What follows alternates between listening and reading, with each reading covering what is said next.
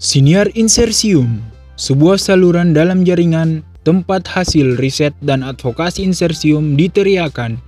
Nantinya juga bakal dibahas isu hangat seputar hukum, HAM, dan wacana sosial lainnya. Nantikan episode-episodenya, lalu to continue.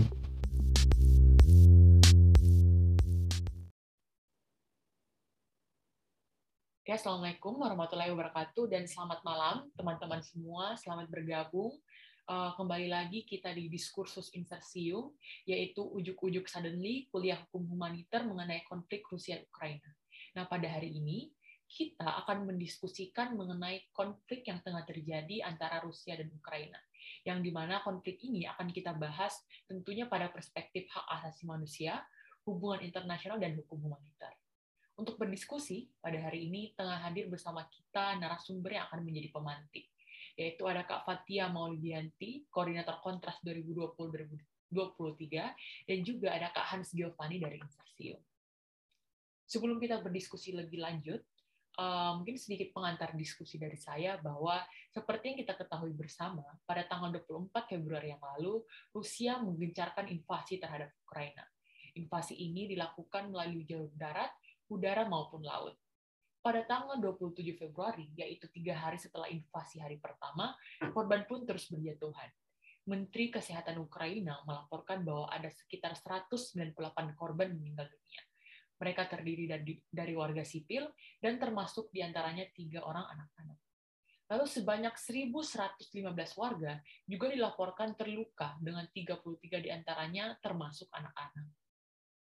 Selanjutnya, Komisariat Tinggi Urusan Pengungsi Perserikatan Bangsa-Bangsa menyatakan bahwa sekitar 100.000 warga Ukraina terpaksa berpindah atau displace ke negara tetangga untuk menghindari dampak konflik dari kedua negara ini latar belakang konflik antara Rusia dan Ukraina serta norma hukum humaniter yang ditujukan untuk mengatur mengenai cara atau metode peperangan dan perlindungan penduduk sipil dapat dikatakan sangatlah kompleks. Dan oleh karenanya kita akan mendiskusikan baik antara latar belakang konflik serta norma hukum humaniter pada kesempatan kali ini.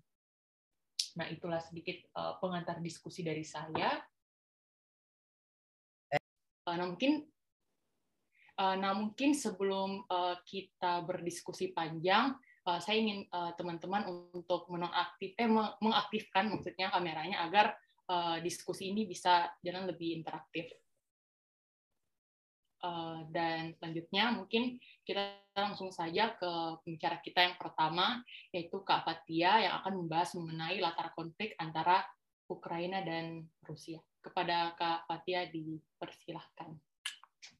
Oke, uh, terima kasih uh, untuk waktu dan kesempatannya. Makasih juga buat Insersium udah uh, ngundang. Mungkin kita akan uh, diskusi santai-santai aja ya uh, di sini karena uh, sebenarnya um, topik seperti ini ataupun uh, terjadi perang gitu di di era 20 uh, abad 21 tuh sebenarnya di luar um, ekspektasi kita gitu bahwa um, di terlepas dari beberapa konflik sebelumnya yang sudah pernah terjadi kayak Israel uh, Palestina, Syria, uh, Somalia dan beberapa perang-perang lainnya uh, kirain udah kayak berhenti saja gitu sampai situ bahwa memang itu sudah menjadi konflik yang berkelanjutan eh tapi ternyata di tahun 2002 ini eh 2022 ini pada akhirnya ada uh, juga uh, negara yang pada akhirnya memutuskan untuk melakukan invasi gitu. Nah nanti uh, mungkin uh, disclaimer dulu bahwa um, saya udah lama nggak belajar hukum humaniter, tapi uh, karena kuliah di HI, jadi saya akan membawanya dari perspektif hubungan internasional ataupun bagaimana sebenarnya yang pernah saya pelajari dan pentingnya melindungi uh, warga sipil itu sendiri dalam uh, apa namanya dalam konflik itu sendiri seperti apa dan bagaimana sebenarnya perang uh, perang Ukraina dan Rusia ini uh, kita lihat dari konteks sejarahnya gitu. Karena sebetulnya yang paling penting adalah melihat bagaimana konteks sejarahnya dan bagaimana sebenarnya kok tiba-tiba terjadi gitu perang ini. Tapi sebenarnya nggak tiba-tiba juga karena memang uh, apa namanya uh, perseteruan gitu ya. Ataupun konflik antara Ukraina dan juga Rusia dan atau beberapa uh, latar belakang lain yang salah satunya didasari karena uh, NATO sendiri jadi sebenarnya NATO emang sering banget jadi biang kerok gitu dan hari ini uh, sebenarnya kita bisa bilang bahwa tidak hanya Rusia yang harus bertanggung jawab atas invasi yang terjadi di Ukraina, tetapi Eh, NATO dan juga Amerika Serikat justru juga memiliki peran yang besar gitu untuk bisa bertanggung jawab juga terkait konflik yang terjadi hari ini di, di apa namanya di era abad ke-21 ini gitu. Oke. Sebenarnya uh, mohon maaf ya saya lagi Covid jadi kalau agak bindeng dan batuk-batuk mohon maaf. Um, jadi uh, apa namanya kalau misalkan kita ngelihat dari konteks sejarahnya gitu kan bahwa uh, apa di eranya Mikhail Gorbachev itu adanya sebuah apa uh, penurunan ataupun um, bagaimana adanya kontrol ideologi yang pada akhirnya berdampak terhadap uh, apa rejection rejection atau ya, penolakan gitu ya dari uh, komunisme Soviet gitu. Nah pada akhirnya aktivis-aktivis uh, demokratik uh, Rusia dan juga Ukraina itu sempat bergabung uh, bersama untuk membuat satu buah gerakan politik baru untuk um, apa um, mencanangkan adanya kebebasan berekspresi, uh, terus juga ada pemilu dan lain-lain sebagainya gitu. Nah, terus juga uh, di uh, era kepemimpinan uh, Presiden Boris juga pada saat itu juga nggak mencoba untuk mempertahankan uh, Federasi Uni Soviet uh, dan juga tetap mau mengedepankan Rusia menjadi negara independen gitu. Nah, pada akhirnya terus ada perpecahan uh, dari uh, dari Presiden Leonid uh, dan juga terus akhirnya um, apa namanya mereka sama-sama bersikukuh untuk tetap um, apa uh, merdeka satu sama lain. Dan pada akhirnya Ukraina berhasil referendum di bulan Desember 91 dan udah gitu uh, pada akhirnya um, apa namanya uh, ada sebuah kebersatuan di antara Rusia, Ukraina dan Belarus yang diinisiasi uh, dan juga akhirnya pecah belah gitu ya. Dan akhirnya um, apa namanya uh, di tahun 97 itu juga ada sebuah uh, kerja apa perjanjian atau treaty antara Rusia dan Ukraina yang mengafirmasi adanya integritas uh, dari uh, apa namanya border ataupun pembatas uh, wilayah daerah Ukraina yang itu diakui oleh Rusia dan juga uh, apa namanya uh, uh, ada beberapa gencatan senjata dan lain sebagainya. Saya juga nggak tahu persis seperti apa, tapi ini apa namanya kalau misalkan mau melihat bagaimana proses uh, konflik ataupun uh, pelepasan border-border tadi antara Rusia dan juga Ukraina gitu. Nah, uh, lalu juga udah gitu kalau misalkan teman-teman pernah dengar yang namanya uh, Crimea semenanjung Crimea atau Crimean Peninsula yang sebenarnya tahun 2014 itu sempat jadi puncak konfliknya juga antara Ukraina sama Rusia di mana uh, pada akhirnya uh, apa namanya mendapatkan sanksi yang cukup berat ya dari dari negara-negara barat terhadap Rusia ketika uh, apa namanya uh, uh, pemerintah Rusia ataupun um, pihak berwenang dari Rusia yang ada di Crimea itu merepresi uh, orang-orang Ukraina yang berada di uh, Crimea Tatar uh, di Crimea Tatar atau kayak ibaratnya suku-suku Tatar yang ada di Ukraina gitu. Nah, gara-gara konflik tersebut sebenarnya pada akhirnya itu sudah berdampak uh, pada uh, berdampak pada beberapa uh, perpecahan dan juga uh, casualties ataupun korban yang pada akhirnya uh, bis, uh, muncul ataupun hadir gitu ya. Gara-gara konflik tersebut ada sekitar 40 ribuan sampai dengan 1,5 juta kalau nggak salah dari dari yang data yang saya baca uh, dikarenakan dari konflik yang terjadi di tahun 2014 tersebut gitu.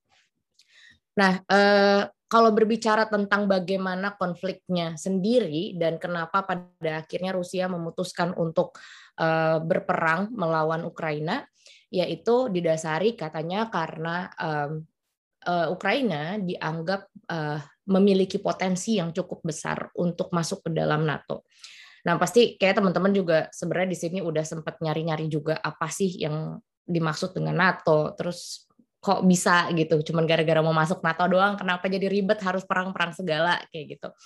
Nah jadi um, memang sebenarnya NATO itu sendiri uh, adalah satu buah organisasi atau aliansi yang cukup powerful uh, dan itu dibikin sama Amerika pasca perang dingin. Uh, memang sengaja sebenarnya alasannya adalah untuk humanitarian intervention. Dan beberapa apa namanya uh, apa ya kayak alutsista alutsistanya NATO itu sebenarnya bertengger di beberapa negara-negara uh, Balkan juga gitu sebetulnya kayak di uh, Serbia bahkan Serbia jadi pusatnya gitu. Nah, alasannya uh, NATO naro-naro apa uh, alutsista dan juga pasukan militer di sana, alasannya katanya karena untuk humanitarian intervention. Tapi sebetulnya kalau misalkan kita mau melihat sejarahnya, kenapa pada akhirnya Amerika membentuk NATO dan juga banyak negara-negara Eropa yang ikut masuk ke dalam NATO, itu sebenarnya kalau misalkan di dalam konspirasi-konspirasi HI-nya itu kita tahu bahwa itu NATO adalah alat dari Amerika untuk um, melakukan hegemoni ataupun dominasi di negara-negara Eropa. Jadi uh, bagaimana caranya memprevent agar Rusia tidak bisa masuk atau terbatas untuk masuk ke negara-negara Eropa, khususnya negara-negara Balkan dan juga negara-negara Eropa Timur lainnya. Kalau negara-negara Eropa Barat udah pasti masuk ke dalam hegemoninya Amerika gitu, yaitu dengan caranya ialah human intervention tadi.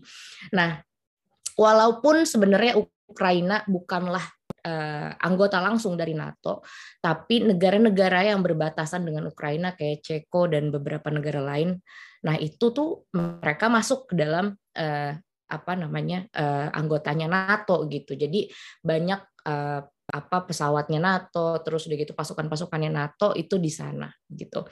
Nah jadi eh, sebenarnya ini adalah cara alus-alusnya, tipis-tipisnya Amerika sebenarnya untuk mengokupying eh, negara-negara di Eropa Timur agar mereka sebenarnya bisa membatasi Rusia dan juga punya sedikit borderline atau ancaman yang bisa diciptakan um, kayak cywar gitu ya jadinya cywar antara Rusia dengan Amerika jadi Amerika bisa punya NATO um, untuk menakut-nakuti Rusia dan sejak lama lah sebetulnya Rusia uh, juga sebetulnya takut bahwa Ukraina bisa menjadi anggota dari NATO.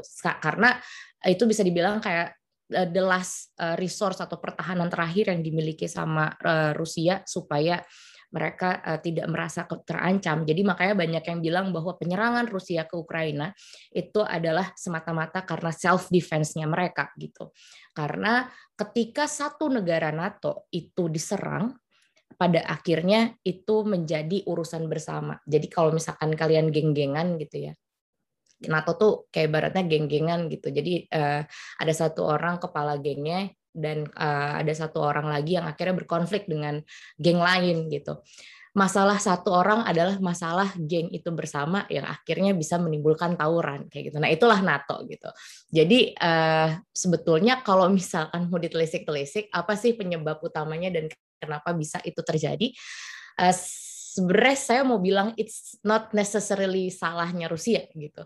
Karena uh, sebetulnya itu adalah mekanisme self defense yang memang dibentuk sama negara udah pasti ya. Kalau misalkan mereka merasa terancam yang pada akhirnya ya this means war gitu. Nah yang seharusnya bertanggung jawab dengan situasi ini adalah ya NATO sendiri dan juga Amerika sebetulnya gitu. Dan kerap kali memang dalam Eh, beberapa bentuk-bentuk invasi ataupun agresi militer lainnya gitu. Amerika selalu menggunakan bendera NATO supaya aman gitu. Nah, jadi eh, bisa dibilang biang kerok dari segala bentuk konflik yang terjadi di uh, Ukraina hari ini itu adalah karena NATO gitu. Nah, jadi uh, kalau misalkan kita ngelihat triggernya ya tadi ada di pasal 5 NATO sendiri gitu bahwa uh, kalau satu satu negara yang pada akhirnya terlibat konflik maka seluruh negara anggota NATO itu harus terlibat dalam penyelesaian konflik tersebut gitu. Nah, tapi kan uh, Rusia dan Ukraina sama-sama negara bagian dari PBB. Kalau misalkan mau bicara soal international law secara strukturalnya, uh, kita tahu bahwa negara-negara tersebut terikat dengan yang namanya piagam PBB atau UN Charter gitu. Uh, di mana di pasal 2 ayat 4-nya itu sudah jelas menuliskan bahwa uh, eh, UN Charter prohibits the threats or uh, use of force with the only two charters exception to this prohibition being self defense and action mandated by the UN Security Council. Jadi sebetulnya self defense yang dilakukan oleh Rusia itu sah-sah saja. Nah, tapi balik lagi bahwa ada yang namanya konsep lain yaitu uh, adalah uh, international humanitarian law di mana sebetulnya di dalam konsep perang itu sendiri yang paling dirugikan adalah warga sipil. Makanya dibentuk beberapa tatanan-tatanan hukum uh, apa humanitar internasional atau hukum perang kita biasanya sebutnya gitu. Jadi walaupun di dalam UN Charter memang disebutkan bahwa uh, uh, apa namanya use of force dalam bentuk self defense itu diperbolehkan dan juga uh, disahkan oleh UN Security Council tapi bukan berarti bahwa mereka bisa bertindak seenak-enaknya gitu untuk mempertahankan kedaulatan mereka. Nah, um, sebenarnya kalau misalkan dalam beberapa diskursus-diskursus yang saya sempat baca, uh, terutama uh, dalam diskursus sosialis ataupun um, apa yang agak ke kiri-kirian gitu, memang uh, pada dasarnya uh, US dan juga NATO itu menjadi benefit beneficiary ya beneficiary atau penerima manfaat paling besar dari konflik yang terjadi ini gitu di mana sebetulnya um, apa namanya setelah uh, Cold War atau perang dingin itu sendiri intervensi US pada akhirnya itu banyak terjadi. Nah seperti sekarang sanksi dari European Commission atau pasca perang dingin ada US intervention juga dalam beberapa economic sanction yang dikeluarkan oleh negara-negara Eropa terhadap uh, Uni Soviet. Terus udah gitu juga um, apa namanya sebenarnya waktu itu NATO harusnya sudah dibubarkan uh, tetapi ternyata NATO juga yang pada akhirnya um, mencederai komitmennya untuk tidak melakukan ekspansi ke uh, Eropa Timur tapi ternyata uh, apa namanya setelah itu ada 14 uh, negara baru yang pada akhirnya menjadi aliansi de, apa namanya di negara-negara Balkan di tahun 97 gitu. Nah, jadi um, sebetulnya kalau misalkan kita bisa bilang gitu ya uh, uh, apa uh, dari segala dari semua uh, konflik yang terjadi hari ini kalau misalkan kita baru mau masuk kita akan masuk ke dalam uh, konsep IHL-nya gitu yang bertanggung jawab atas uh, konsep ataupun perlindungan warga sipil atau humanitarian itu kan hanya Rusia bukan hanya Ukraina tetapi juga Amerika Serikat Eh, NATO itu sendiri gitu dan juga beberapa negara lain yang terlibat dalam NATO. Jadi jangan disangka-sangka bahwa NATO sebetulnya tidak tidak bertanggung jawab gitu dengan dengan apa namanya uh, invasi uh, Rusia yang terjadi hari ini gitu. Bahkan di beberapa uh, uh, beberapa uh, tradisi beberapa perang sebelumnya seperti di Yugoslavia, Kosovo dan juga di uh, Bosnia Herzegovina uh, ada beberapa um, temuan sebenarnya waktu itu yang membuktikan bahwa NATO melakukan kejahatan perang dengan menggunakan senjata uranium. Nah, tapi tidak pernah ditindaklanjuti. Ini yang menjadi salah satu uh, polemik terbesar ya di dalam tatanan uh, hukum humanitar ataupun hukum HAM internasional, di mana negara-negara superpower seperti uh, Amerika dan Rusia dan apalagi sekarang Rusia adalah uh, chairnya dari Dewan Keamanan PBB. Jadi percuma mau bikin resolusi apa pun, tapi ya bisa diveto gitu. Nah jadi um, apa uh, pada akhirnya sebetulnya um, kita uh, harus justru malah pertanyaannya dibalik gitu, tapi tentang sebenarnya bukan bagaimana uh, UN ataupun forum internasional lain harus bertindak gitu. Apa yang bisa dilakukan, tetapi bagaimana publik bisa menekan ataupun mengevaluasi sistem yang ada di dalam PBB itu sendiri yang pada akhirnya kita tahu bahwa tidak ada measure ataupun tidak ada tindakan apa pun yang bisa secara lugas dan tegas eh, terhadap negara-negara ini untuk bisa meminimalisir terjadinya use of force ataupun konflik yang dapat menyebabkan kerugian besar bagi masyarakat sipil gitu. Nah, kalau misalkan kita berbicara tentang eh, IHL-nya itu sendiri bahwa uh, apa namanya uh, um, di dalam protokol ataupun konvensi Jenewa tahun 1949 itu sebagai salah itu adalah ibu dari semua uh, apa hukum humaniter yang ada di uh, dunia ini gitu ya. dalam protokol 1, protokol 2, protokol 3, protokol 4 semuanya itu menyebutkan terkait soal larangan-larangan negara, batasan-batasan negara ketika berperang. Di protokol pertama itu kalau nggak salah ngurusin soal um, apa senjatanya boleh seperti apa, areanya dan lain-lain dan yang paling penting ada di protokol nomor 4 yang itu menyebutkan tentang hak-hak warga sipil dalam perang gitu. Nah, Ukraina maupun Rusia itu adalah pihak dari Konvensi Jenewa tahun 1949, eh, terutama di protokol pertama. US juga merupakan salah satu eh, negara pihak tentunya, dan di mana di dalam hukum humaniter itu sendiri eh, memberikan perlindungan bagi warga sipil ataupun non kombatan itu adalah hal paling utama yang harus diamini ataupun diikuti oleh negara-negara pihak. Nah, segala metode peperangan, terus udah gitu juga bagaimana negara-negara berkonflik ini harus bertindak, bagaimana uh, menciptakan ruang aman ataupun area-area khusus bagi para warga sipil yang tidak boleh disentuh dalam apa uh, konflik bersenjata itu juga diatur dalam konvensi Jenewa ini. Nah, uh, selain soal hak warga sipil ya, tapi pendudukan militer juga diatur. Uh, salah satunya itu uh, terkait soal penduduk dengan status hukum uh, harus mengesahkan hak-hak terkait pelindungan untuk populasi penduduk sipil dan juga uh, apa namanya terkait soal definisi-definisi soal apa itu invasi, agresi, uh, okupasi dan lain-lain sebagainya gitu. Nah, di Konvensi Jenewa Eh, juga yang mengatur terkait soal proteksi warga sipil eh, di pasal 5 juga menyatakan bahwa dalam wilayah teritori konflik seseorang warga sipil wajib untuk dilindungi oleh negara. Dan apabila seseorang tersebut terlibat sebagai mata-mata ataupun salah satu pihak dari perang yang disandara tetap harus dilakukan diperlakukan secara manusiawi. Nah, yang sekarang terjadi di Rusia itu kan dibilangnya adalah bentuknya invasi ya. Invasi berarti adalah um, apa namanya menyerang negara lain tanpa melalui konsen ataupun kesepakatan untuk berperang.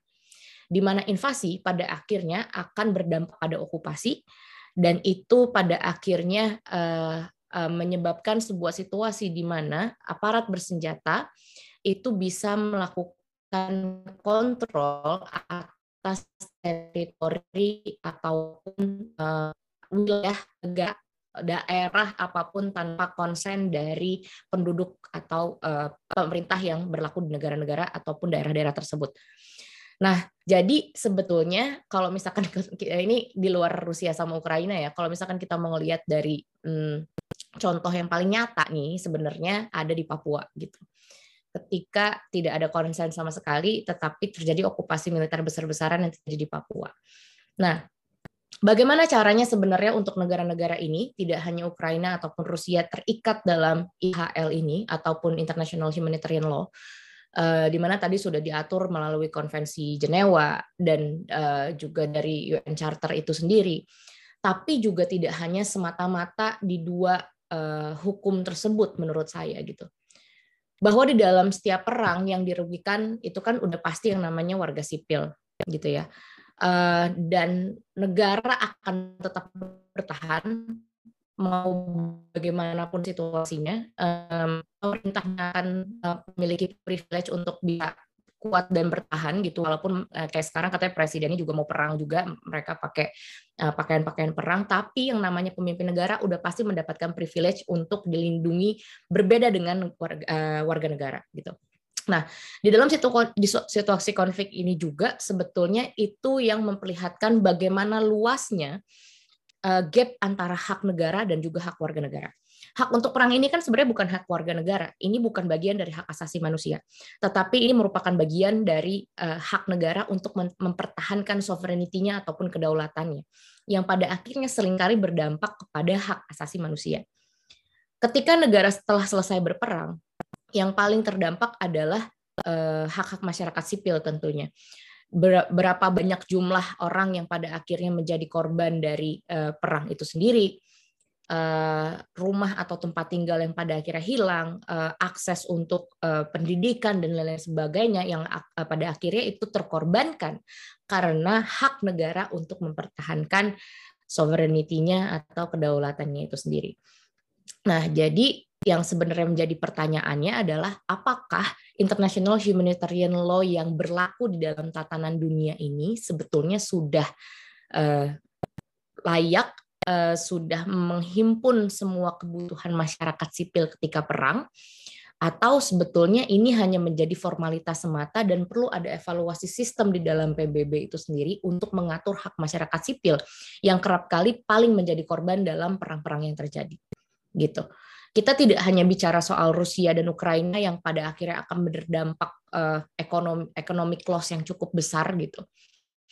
Tetapi uh, sudah banyak uh, apa uh, perang-perang lain atau konflik-konflik lain yang berlaku di negara-negara um, Timur Tengah gitu ya, di Libya, di Syria dan lain-lain, yang itu sama sekali tidak pernah tersentuh gitu soal uh, bagaimana jalan keluar yang dapat diberikan oleh PBB terkait soal kerugian dan juga casualties ataupun korban-korban warga sipil yang pada akhirnya menjadi korban dari perang dan negara tetap bertahta gitu apa yang seharusnya negara lakukan pasca konflik itu yang belum pernah bisa menembus gitu ya dari uh, tatanan-tatanan um, hukum internasionalnya PBB sebenarnya. Walaupun uh, hukum HAM internasional dan uh, hukum humaniter internasional ini menjadi standar paling minimum, tetapi saya pesimis bahwa sebenarnya PBB sendiri punya measurement yang cukup um, tegas gitu untuk mengatur negara-negara ini dalam menghindari konflik ataupun um, menebus kesalahan mereka pasca perang atau pasca konflik ketika mereka sudah melakukan uh, agresi militer ataupun war crimes gitu. Bahwa misalkan nih salah satu contohnya gitu. Amerika di Irak itu semestinya juga bisa masuk ke dalam ICC ataupun ke um, International Court of Tribunal yang disusun oleh eh, apa namanya Dewan Keamanan PBB. Tapi sampai sekarang belum pernah ada sidangnya ataupun bahkan investigasinya terkait kejahatan perang yang dilakukan oleh Amerika di Irak. Nah, jadi ini sangat tergantung dan sangat dependable sekali dengan um, seberapa berkuasanya negara-negara ini gitu. Nah, justru yang saya ingin balikin sini ya, kalau misalkan berbicara soal IHL-nya kan teman-teman kayaknya sepertinya udah pada paham ya, kalau misalkan uh, di dalam konflik ini ya sekarang tinggal dibuktikan aja gitu. Um, apa jika memang nantinya terbukti Rusia melakukan war crimes, ya Putin tinggal masuk ke dalam ICC. Atau jika sebenarnya NATO yang menjadi uh, biang keroknya dan pada akhirnya menyulut konflik, apa yang bisa dilakukan PBB terhadap Biden? Atau um, ketika misalkan um, presiden Ukraina juga uh, apa tidak bisa melindungi warga sipilnya dalam perang atau melakukan tindakan-tindakan kejahatan lainnya ada International Commission of Juris uh, International Commission of Just uh, International Court of Justice diketukar kan sama NGO lain. International Court of Justice yang yang juga apa namanya um, itu bisa mengadili negara-negara dari 193 negara uh, anggota PBB cuma ada 45 negara yang uh, jadi negara anggota yang bisa diadili lewat mekanisme tersebut. Tapi ICC itu bisa jadi salah satu um, mekanisme uh, apa uh, pembuktian akuntabilitas pemimpin-pemimpin um, ataupun militer yang melakukan tindakan-tindakan uh, pelanggaran ber, uh, pelanggaran berat atau pelanggaran terhadap uh, hukum internasional atau biasanya kita nyebutnya pelanggaran HAM berat ada agresi militer, ada war crimes, ada genosida, dan juga uh, kejahatan terhadap kemanusiaan. Nah, jadi tinggal diuji gitu. Kalau misalkan memang terbukti beberapa pihak ini melakukan um, pelanggaran, maka ICC lah yang menjadi jawaban dari um, apa namanya uh, akuntabilitas tersebut. Tetapi sebenarnya pertanyaannya di sini mau saya balik. Gitu. Apa yang bisa kita lakukan agar mereka bisa masuk ke ICC atau apa yang bisa kita lakukan untuk membuktikan bahwa PBB bisa memberikan sesuatu untuk mencegah terjadinya banyak casualties ataupun menghentikan uh, perang ini untuk terus terjadi. Seberapa kuat PBB sebenarnya?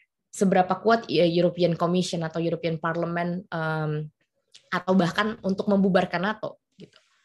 Uh, saya rasa tidak cukup kuat karena ternyata international forums atau international humanitarian law dan uh, tatanan hukum internasional ini itu tidak punya spare yang cukup besar untuk bisa menguji akuntabilitas negara dan meminta negara untuk melaksanakan atau mengimplementasikan tanggung jawab mereka. Contohnya di perang uh, Rwanda ya sampai sekarang masih banyak yang jadi buron. Atau ketika Indonesia um, apa um, ngundang jenderal Myanmar datang ke Indonesia ke ASEAN Summit atau ngundang Omar Al-Basar uh, Omar Al-Basar yang merupakan buronan um, ICC eh, gara-gara uh, apa perbudakan di Sudan Selatan untuk ngundang apa um, Omar ke Indonesia gitu ke dalam konferensi OKI ya ada masalah apa-apa fine fine aja gitu. Nah hal-hal seperti itu yang sebenarnya absen dari uh, tatanan um, hukum uh, humaniter internasional atau hukum ham internasional kita gitu walaupun sifatnya legally binding tapi ternyata legally bindingnya masih bisa diveto atau ternyata masih bisa banyak celah bagi negara untuk ngakalin uh, hukum-hukum internasional yang ada ini gitu. Karena ya yang bikin ya mereka yang pada akhirnya mereka juga lah yang tahu di mana kelemahannya gitu. Nah, jadi pertanyaannya dibaliknya begini, apa yang bisa kita lakukan dan bagaimana sebenarnya untuk menguji ataupun mengevaluasi sistem yang berlaku di dalam uh, apa namanya uh, sistem hukum internasional ini. Satu-satunya yang saya percayai hari ini adalah people power di mana casualties ataupun korban dari konflik ini tidak hanya baru sekali terjadi di perang Rusia dan Ukraina. Tetapi di beberapa perang lain yang sekarang udah termakan angin atau bahkan kita juga udah lupa, oh iya ya pernah ada perang itu gitu atau bahkan kita nggak tahu sama sekali. Yang kita kira bahwa perang-perang tersebut udah selesai padahal sebenarnya um, masih berlangsung sampai hari ini atau bahkan perang paling besar gitu Israel Palestina yang katanya kalau misalkan selesai dan damai maka dunia ini akan kiamat gitu kan jadi eh, apa namanya bahkan sampai hari ini ya mereka juga belum berhasil gitu untuk um, melakukan sebuah resolusi konflik dari beberapa isu-isu ataupun kejahatan-kejahatan perang yang dilakukan oleh negara-negara untuk mempertahankan hak negara tetapi tidak untuk mempertahankan hak asasi manusia. Jadi menurut saya justru dari negara-negara ataupun warga-warga sipil dari negara-negara yang terdampak akan konflik ini seharusnya melakukan joint forces atau um, demanding to uh, apa untuk ke PBB itu sendiri agar mempertanyakan apa yang sebenarnya selama ini mereka lakukan dan apa yang sebenarnya selama ini bisa mereka andalkan gitu dari Dewan Keamanan PBB yang memiliki hak veto untuk bisa menghentikan dan memberikan kembali hak-hak mereka pasca konflik yang dilakukan oleh negara. Uh, karena sebetulnya perang ini kan hanya sebagai membuktikan kekuatan antara satu negara ke negara lain atau ke daerah lain, jadi kayak ngencingin teritori aja gitu. Tapi negara tidak pernah meminta konsen ataupun meminta izin terhadap warga negaranya yang akan menjadi korban uh, ketika misalkan perang atau konflik itu terjadi. Jadi justru di sini yang perlu diperkuat adalah people power-nya itu sendiri. Bagaimana warga-warga sipil di dunia ini bisa sepenuhnya uh, firm gitu soal anti-war atau misalkan mempertanyakan soal konsep atau sistem dari uh, international humanitarian law atau hukum internasional lainnya yang itu merupakan Western concept dan di mana negara-negara Barat itu sendiri juga yang menciptakan konfliknya itu sendiri. Nah ini uh, masih menjadi uh, tanda tanya juga sebenarnya bagaimana uh, people power ini bisa terbentuk dan juga uh, bagaimana kita bisa mengevaluasi sistem hukum internasionalnya itu sendiri. Tetapi secara keseluruhan yang mau saya bilang bahwa sistem hukum yang ada hari ini bisa menjadi standar minimum dan yang bertanggung jawab atas semua ini itu harus dibuka seluas-luasnya tidak hanya Rusia dan juga Ukraina, tetapi eh, beberapa negara yang punya indikasi terlibat dan juga menyebabkan ini terjadi seperti NATO dan juga Amerika Serikat. Sebenarnya lebih ke Amerika Serikat. Gitu. Mungkin gitu dulu ya, agak-agak ke mana-mana, tapi uh, intinya semoga uh, bisa didapat uh, gitu. Oke, terima kasih Kak Fatia. Jadi mungkin yang bisa uh, saya highlight dari uh, apa yang sudah dibawakan Kak Fatia. Jadi kayak ternyata di balik konflik antara Rusia dan Ukraina ini ya bukan cuma mereka doang yang bertanggung jawab, tapi ternyata ada NATO dan US yang tentunya memiliki peran tersendiri terhadap konflik ini. Dan kalau yang dari Kak Fatia jelaskan bahwa sebenarnya Rusia juga tidak bisa sepenuhnya disalahkan karena ya dari hukum dari hukum internasional ya dibenarkan uh, tindakan tersebut sebagai self defense tapi ya memang perlu diperhatikan lagi tentang uh, bagaimana self defense ini ya tidak berlaku uh, sewenang-wenang atas nama uh, mempertahankan kedaulatan. Nah, mungkin saya lanjut ke Kak Hans uh, yang akan membahas mengenai bagaimana uh, mekanisme pengaturan hukum humaniter serta efektivitasnya terhadap uh, perlindungan penduduk sipil di Ukraina mungkin kepada Kak Hans dipersilahkan. Tapi sebelumnya. Uh, okay. Thank you, uh, Wulan. Terima kasih Mbak Fatia tadi ya, sudah sampaikan sedikit tentang konflik atau terbelakang gitu ya, konflik antara Rusia dan uh, Ukraina. Jadi ya terima kasih Intersium, saya sudah lumayan jarang bahas hukum internasional, jadi kembali belajar tentang hukum humaniter lagi. Um, pertama begini, kalau kita bicara tentang konflik bersenjata, itu akan ada banyak dimensi di situ.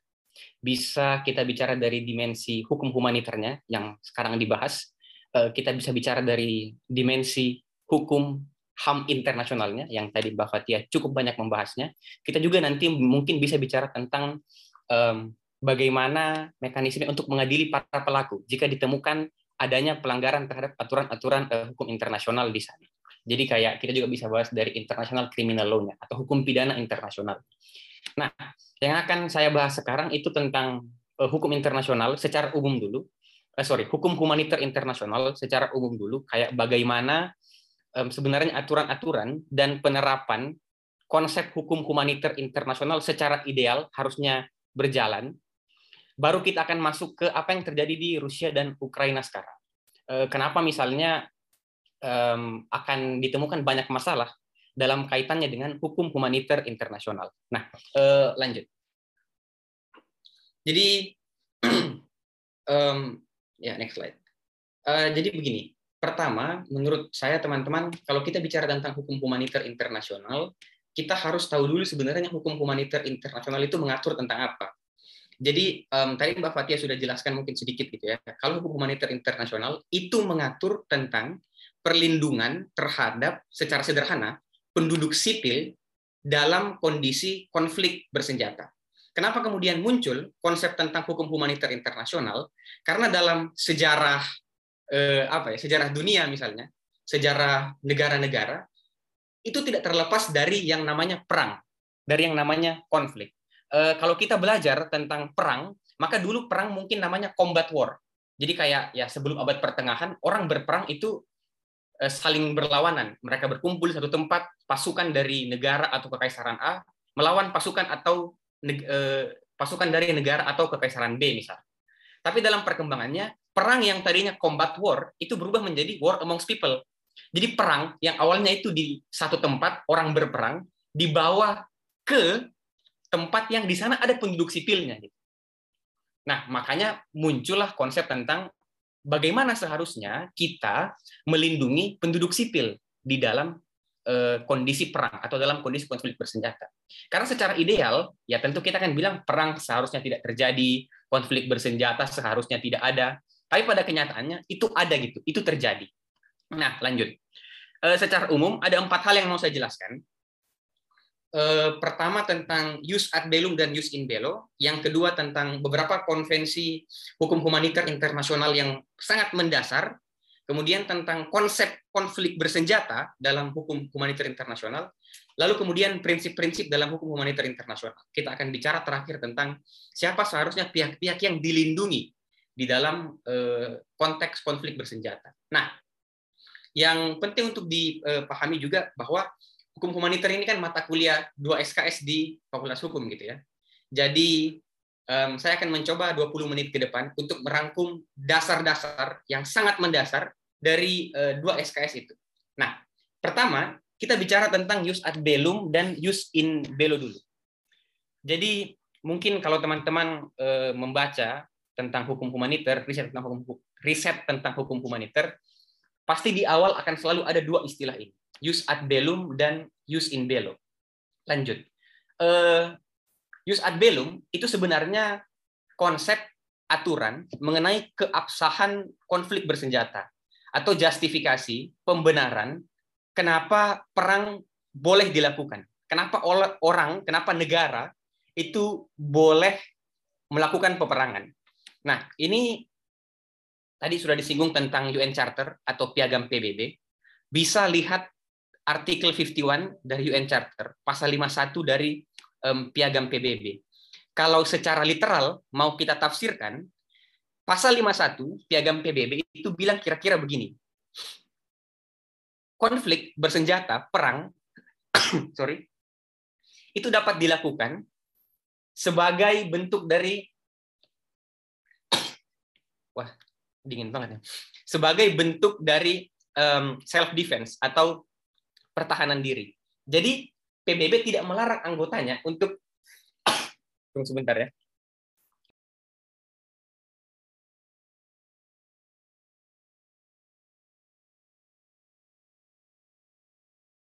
Hilang server ini. Jadi PBB sebenarnya tidak melarang anggotanya untuk melakukan peperangan atau untuk terlibat dalam konflik bersenjata selama konflik bersenjata atau peperangan yang dilakukan itu dilakukan dalam rangka self defense atau pertahanan diri. Jadi boleh terlibat dalam peperangan tetapi sebagai bentuk sebagai bentuk pertahanan diri. Ketika misalnya satu negara diserang oleh negara lain, mereka boleh terlibat di dalam peperangan sebagai bentuk dari eh, pertahanan diri. Itu jus ad bellum atau aturan tentang kenapa perang boleh dilakukan. Yang kedua, ada namanya jus in bello, aturan mengenai tata cara melangsungkan peperangan. Atau e, definisi yang lebih resmi, aturan yang berlaku dalam konflik bersenjata atau conduct of war-nya. Maksudnya apa? Kalau yang pertama tadi memberikan alasan kenapa negara boleh berperang, yang kedua itu mengatur dalam peperangan dalam konflik bersenjata apa-apa batasannya. Apa yang boleh dilakukan dan tidak boleh dilakukan. Nah, ini yang akan kita bahas sebentar. Jadi, um, hukum humaniter internasional secara garis besar itu lebih banyak membahas tentang jus in bello-nya. Tentang apa-apa saja yang boleh dilakukan dan tidak boleh dilakukan di dalam konflik bersenjata. Lanjut. buat teman-teman yang tertarik untuk um, riset lebih lanjut tentang jus in bello dan jus ad bellum yang saya jelaskan tadi, itu bisa melihat uh, putusan Mahkamah Internasional ya, putusan ICJ tentang Nicaragua versus Amerika Serikat tahun 1986 uh, dan keterangan dari Prosecutor International Criminal Tribunal for Former Yugoslavia itu tahun 1999 ya bisa dicari sendiri. Kalau mau lebih lanjut uh, mengetahui bagaimana sebenarnya konsep atau pembedaan antara use in bello dan use ad bellum tadi. Nah, intinya adalah seperti ini. Apa pun alasan suatu negara melangsungkan peperangan, apakah alasan itu dapat dibenarkan atau tidak, itu tidak menegasikan atau tidak mengenyampingkan aturan use in bello-nya. Aturan yang harus dipatuhi dalam perang. Ya, jadi apa pun alasannya, mau alasan itu dapat dibenarkan atau itu alasan yang tidak dapat dibenarkan, itu tidak menegasikan kewajiban negara untuk mematuhi aturan-aturan atau aturan main di dalam peperangan. Kita bawa ke konteks Rusia Ukraina sekarang. Tadi Mbak Fatih sudah jelaskan dan kita sudah dengar bahwa ya penyerangan invasi dari Rusia ke Ukraina itu bermasalah gitu. Itu kan karena um, ini merupakan satu bentuk konflik yang berkepanjangan terkristalisasi sehingga kemudian Rusia melakukan invasi ke Ukraina. Tentu banyak perdebatan. Mayoritas tidak membenarkan invasi yang dilakukan oleh Rusia ke Ukraina. Tetapi kalau kita bicara hukum humaniter, itu tidak berarti gitu ya, serangan atau invasi dari Rusia ke Ukraina akan menegasikan, akan mengenyampingkan kewajiban dari Rusia untuk kayak yang Mbak Fatia jelaskan, menjamin perlindungan dari hak asasi milik warga sipil. Itu tidak mengenyampingkan perlindungan terhadap warga sipil. Bukan berarti mereka invasi Ukraina, lalu ya warga sipil dapat um, dikorbankan begitu saja. Kira-kira seperti itu. Nah, inilah yang diatur oleh hukum humaniter. bagaimana dalam peperangan ada orang yang dilindungi, ada warga yang dilindungi. Lanjut. Nah, um, sekarang kita bahas beberapa aturan-aturan dasar dalam hukum humaniter internasional. Tadi Mbak Fatih sudah jelaskan ada beberapa konvensi dan protokol dalam hukum humaniter internasional. Next. Yang pertama, kita bicara tentang uh, konvensinya dulu. Uh, apa itu konvensi? Buat teman-teman yang mungkin bukan dari Fakultas Hukum atau tidak belajar hukum, konvensi itu adalah bentuk perjanjian internasional. Karena dia adalah bentuk perjanjian internasional, itu kan, maka anggota-anggota atau subjek dari konvensi itu, uh, subjek yang diatur oleh konvensi adalah negara. Karena secara mendasar hukum internasional subjeknya adalah negara. Jadi kalau teman-teman misalnya ketika riset tentang Rusia Ukraina lalu membaca istilah konvensi Jenewa, membaca istilah protokol Jenewa, protokol tambahan, itu berarti suatu perjanjian yang ditandatangani oleh banyak negara. Gitu ya. Jadi konvensi itu adalah suatu bentuk atau suatu instrumen dari hukum internasional berupa perjanjian yang anggotanya atau yang subjeknya yang diatur oleh perjanjian itu adalah negara-negara. Nah, Konvensi Jenewa adalah suatu konvensi atau perjanjian internasional, itu kan, yang terdiri dari empat konvensi. Jadi kalau kita sebut konvensi Jenewa 1949, itu sebenarnya ada empat perjanjian perjanjian eh, apa sorry konvensi Jenewa yang pertama, kedua, ketiga dan keempat. Masing-masing mengatur hal yang um, berbeda. Konvensi Jenewa yang pertama itu mengatur mengenai perlakuan terhadap tentara di medan perang di darat. Konvensi Jenewa yang kedua itu mengatur tentang perlakuan terhadap tentara pada medan perang di laut Konvensi Jenewa yang ketiga itu mengatur tentang perlakuan terhadap tawanan perang. Dan yang keempat mengatur, nah ini yang paling penting, perlindungan terhadap warga sipil di dalam peperangan. Gitu ya. Nah, kalau kita lihat eh, di apa PowerPoint yang saya bagikan ini, di Konvensi Jenewa yang pertama, itu saya jelaskan bahwa ada peru, sudah empat kali diubah. Jadi Konvensi Jenewa yang pertama itu, itu pertama kali disahkan pada tahun 1864. Jadi seperti yang saya bilang di awal tadi, bahwa bahkan tahun 1864 gitu kan, itu dulu sekali gitu ya. Itu adalah masa di mana bahkan KUHP yang udah sangat tua dan kolonial itu belum ada. Negara-negara di dunia ini sudah memikirkan aturan tentang tata cara berperang di darat. Kemudian konvensi Jenewa yang kedua itu menggantikan konvensi Den Haag tahun 1907. Jadi tahun 1907 orang-orang negara-negara sudah memikirkan aturan tata cara melakukan peperangan di laut. Nah, jadi seperti yang saya bilang di awal bahwa aturan terkait tata cara berperang, bagaimana seharusnya peperangan dilangsungkan, itu sudah diatur sejak sangat lama. Maka sangat miris ketika peperangan itu terjadi di abad 21, tapi masih banyak pelanggaran terhadap aturan-aturan yang ada di dalam hukum humaniter. Gitu kan? Karena ini sudah diatur sejak lama. Konsepsinya sudah cukup lama gitu. Bahkan kalau kita mau melihat sejarahnya, hukum humaniter banyak pakar yang berargumentasikan mengargumentasikan bahwa hukum humaniter itu lebih duluan ada daripada hukum hak asasi manusia. Gitu loh. Jadi sebelum muncul konsep tentang hak sipil dan politik, hak ekonomi, sosial, budaya, orang sudah berpikir kalau berperang itu batasan-batasannya apa saja. Kalau berperang apa yang boleh dilakukan, apa yang tidak boleh dilakukan.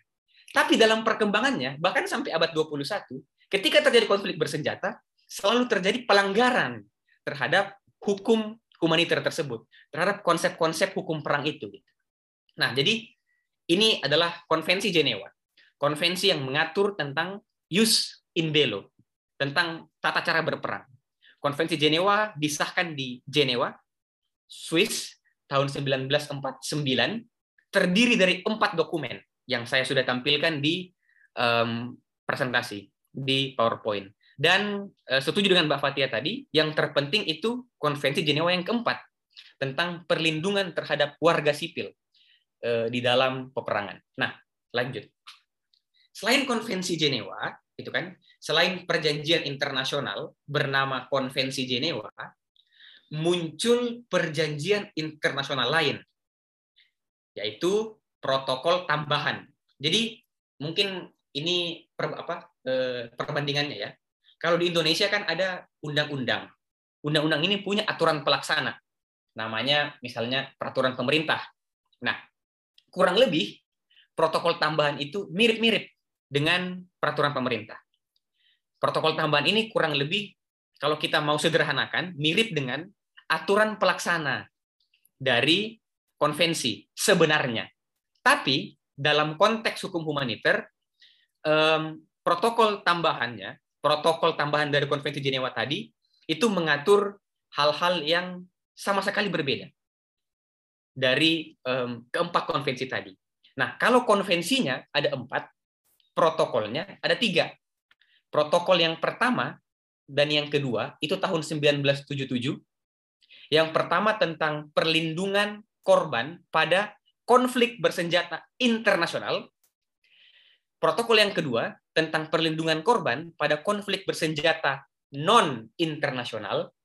Nah, dan yang ketiga tahun 2005 itu protokol tentang distinctive emblem atau um, pembedaan. Jadi protokol yang ketiga itu secara khusus berbicara tentang bahwa dalam perang kita kan biasa lihat misalnya ini orang perang um, negara misalnya contoh ya Rusia melawan Rusia menginvasi Ukraina. Lalu um, di Ukraina ada misalnya palang merah internasional atau tenaga medis yang menggunakan emblem medis menggunakan lambang palang merah. Itu namanya distinctive emblem. Emblem pembeda. Dan itu tidak boleh diserang sama Rusia. Gitu loh. Jadi misalnya eh, Rusia menginvasi Kiev dan di Kiev karena banyak korban yang berjatuhan ada ambulans bolak-balik ada di situ logo kese apa Kementerian Kesehatan Ukraina misalnya atau ada logo palang merah ambulans milik palang merah bolak-balik untuk bawa korban dari tempat dijatuhkannya bom ke rumah sakit. Nah, mereka kan pakai emblem, pakai lambang Nah, lam, karena mereka pakai emblem itu, pakai lambang itu, mereka tidak boleh diserang sama Rusia. Itu protokol ketiga. Protokol pertama dan kedua, kalau teman-teman perhatikan, itu membedakan antara konflik bersenjata internasional dan konflik bersenjata non-internasional. Itulah yang akan saya jelaskan pada slide berikutnya. Jadi, di dalam hukum humaniter internasional, itu dibedakan antara konflik bersenjata internasional dan konflik bersenjata non-internasional. Jadi secara garis besar ada dua jenis konflik bersenjata dalam hukum humaniter internasional.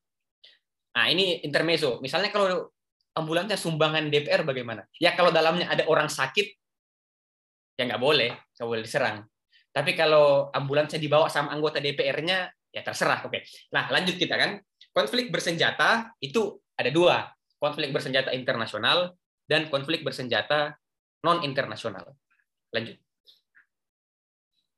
Konflik bersenjata internasional atau international armed conflict secara sederhana adalah konflik atau sengketa bersenjata antara dua negara atau lebih.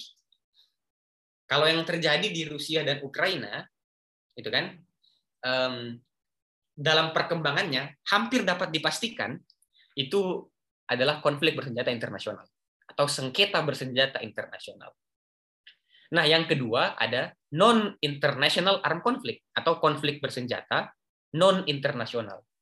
Ini ada um, definisi apa ya? Pengertian dalam bahasa Indonesia dari uh, Dr. Ambarwati yang cukup bagus pengertiannya. Konflik bersenjata non-internasional itu diartikan sebagai sengketa bersenjata antara negara melawan kelompok bersenjata bukan negara perhatikan penekanannya kelompok bersenjata bukan negara gitu ya nah pertanyaannya kemudian adalah saya tulis di bawah situ bagaimana dengan konflik bersenjata antara negara melawan kelompok bersenjata non-negara dari negara lain. Misalnya, Israel lawan Hizbullah. Israel ini kan negara. Ya Indonesia tidak ini ya, tidak tidak apa? tidak memiliki hubungan diplomatik dengan Israel. Tapi ya Israel itu secara umum dikategorikan sebagai sebuah negara. Melawan Hizbullah misalnya. Hizbullah itu adalah satu organisasi di Lebanon. Dia sebenarnya partai tapi punya milisi bersenjata. Jadi ini negara Israel lawan Hizbullah yang adalah organisasi di Lebanon, di negara lain. Nah, ini internasional atau non internasional. Karena dia lintas negara. Tapi yang dilawan bukan negaranya. Kan gitu. Israel lawan Hizbullah. Hizbullah ini dia perang dari Lebanon. Tapi yang dilawan sama Israel itu bukan Libanonnya, tapi organisasi dalam Libanon. Nah, ini kategorinya kayak bagaimana? Itu yang pertama. Yang kedua, negara melawan kelompok bersenjata di dalam wilayah negaranya, dalam wilayah negaranya, tapi kelompok itu sudah mendeklarasikan kemerdekaan. Contoh misalnya, tapi ini tidak terjadi gitu ya. Misalnya kemarin kan ada eh, deklarasi kemerdekaan dari Catalonia, Katalan di Spanyol. Kalau kemudian Spanyol tidak mengakui kemerdekaannya Katalan, Catalonia, terus dia menyerang Catalonia yang secara de jure atau secara hukum, secara legal masih menjadi bagian dari wilayahnya. Nah, ini internasional atau non internasional. Nah, dalam konteks-konteks seperti itu muncullah satu istilah yang disebut non-international armed conflict with international character. Suatu konflik bersenjata non-internasional tapi dengan karakter internasional. Kenapa disebut dengan karakter internasional? Karena seperti konteks Israel melawan Hizbullah. Israel melawan Hizbullah. Hizbullah berperang dari Libanon. Gitu kan? Tapi yang dia perangi bukan negara. Yang dia perangi bukan Libanonnya, tapi organisasi di dalam negara Libanon tersebut. Jadi dia transnasional kan? Dia lintas negara, tapi lawannya bukan negara lain. Nah, jadi itu dikategorikan sebagai tetap konflik bersenjata non internasional, tapi ada karakter internasionalnya. Ada dimensi internasional di situ karena sudah lintas negara. Nah, ini menunjukkan apa? Ini menunjukkan bahwa konsep konflik bersenjata itu berkembang. Kalau dulu, ketika tahun 1949, lalu ketika tahun 1977, gitu kan, yang terpikirkan, perang yang terpikirkan itu cuma perang antara negara lawan negara lain. Atau cuma perang antara negara melawan kelompok bersenjata dalam negerinya, dalam negaranya, dalam wilayahnya. Tapi seiring perkembangannya waktu gitu, ternyata peperangan ini menjadi berkembang. Gitu kan? Orang bukan cuma satu negara bukan cuma berperang melawan negara lainnya, tapi dia juga bisa berperang melawan organisasi internasional misalnya. Oh sorry, bukan organisasi internasional, organisasi yang bersifat internasional misalnya. Jadi ini menunjukkan bahwa konsep peperangan itu berkembang. Nah, dan hukum humaniter tertatih-tatih mengikuti perkembangan dari konsep konflik bersenjata tersebut. Konsep dari peperangan tersebut. Nah, sebelum eh, slide berikutnya, ada sedikit menurut saya yang sebenarnya cukup menarik dalam kaitan antara international armed conflict dari Rusia dan Ukraina. Beberapa eh, waktu yang lalu gitu, Perdana Menteri Polandia, Mateusz siapa gitu namanya, dia khawatir jangan sampai Rusia setelah menginvasi Ukraina kemudian melancarkan invasi ke negara-negara Baltik. Negara-negara Baltik itu adalah negara-negara yang terletak di bagian utara dari Samudra Atlantik yang berbatasan langsung dengan Rusia.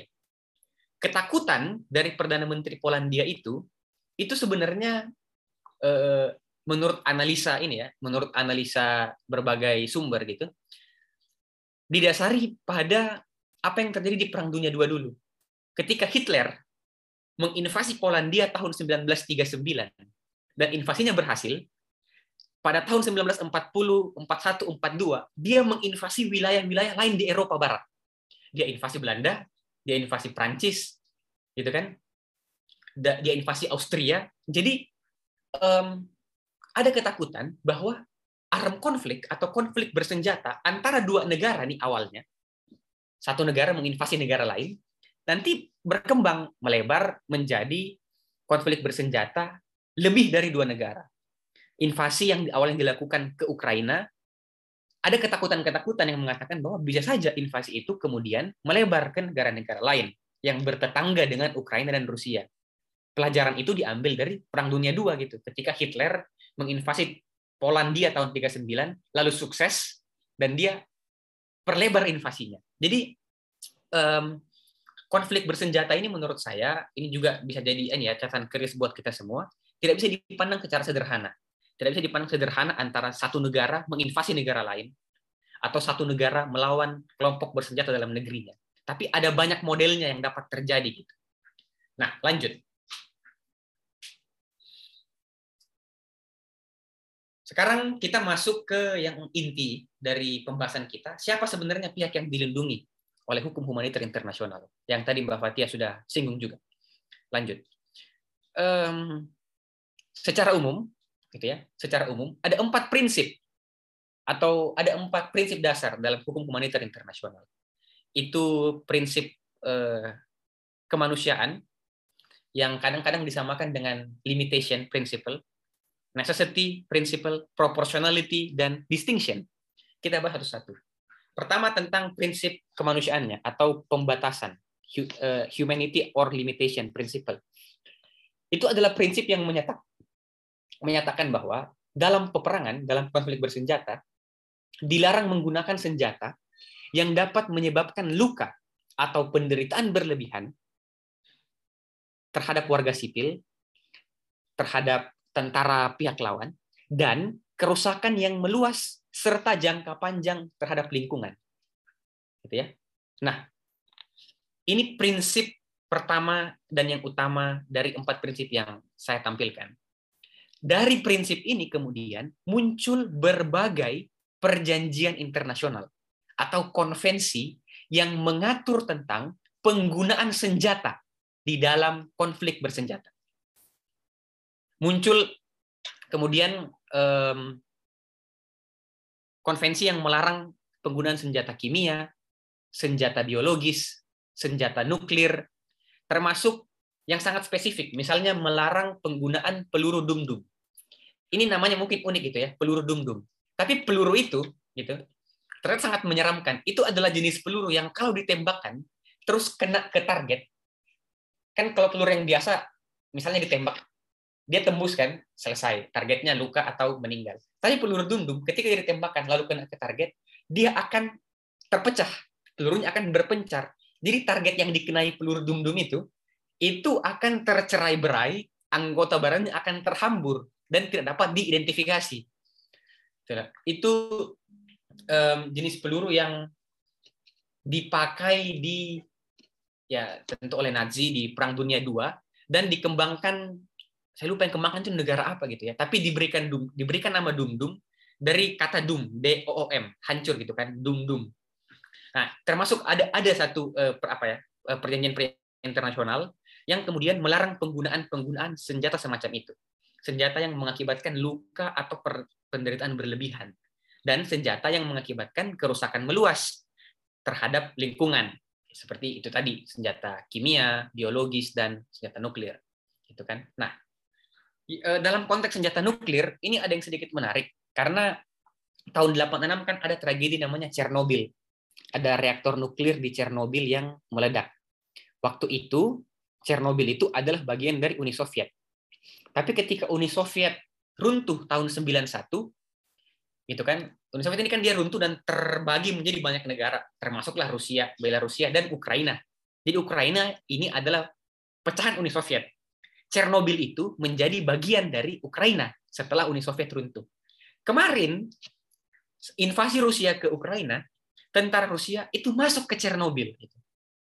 ke bekas reaktor nuklir yang dulu pernah eh, apa meledak gitu ya, yang dulu pernah eh, merusak. Nah ini kan patut dipertanyakan apa sebenarnya motivasi dari Rusia untuk mau merebut kembali eh, bekas reaktor nuklir di Chernobyl.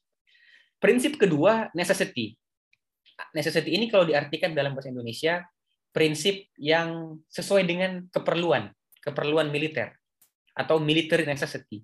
Ini prinsip yang bilang bahwa sasaran serangan harus merupakan sasaran militer, gitu ya, atau military objective. Jadi harus merupakan sasaran militer.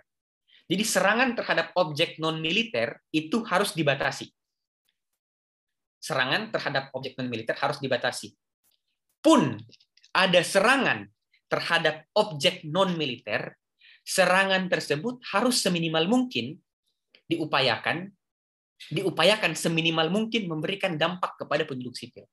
Nah, saya jelaskan sedikit tentang principle of necessity ini. Ini maksudnya begini. Dalam perang, itu kan secara ideal yang diserang itu adalah pangkalan militer. Ya kan?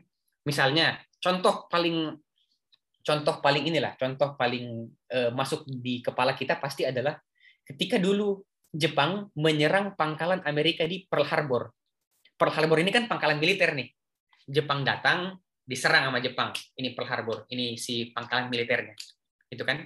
Nah, tapi dalam konteksnya, pada kenyataannya, sering kali ketika orang berperang, yang diserang bukan hanya objek militer, bukan hanya pangkalan militer.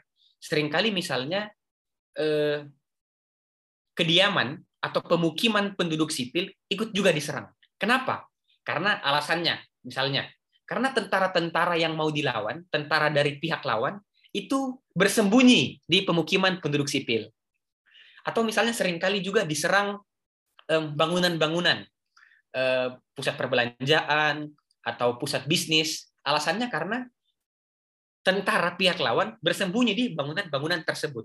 Nah, principle of necessity mengatakan bahwa idealnya yang diserang itu cuma pangkalan militer.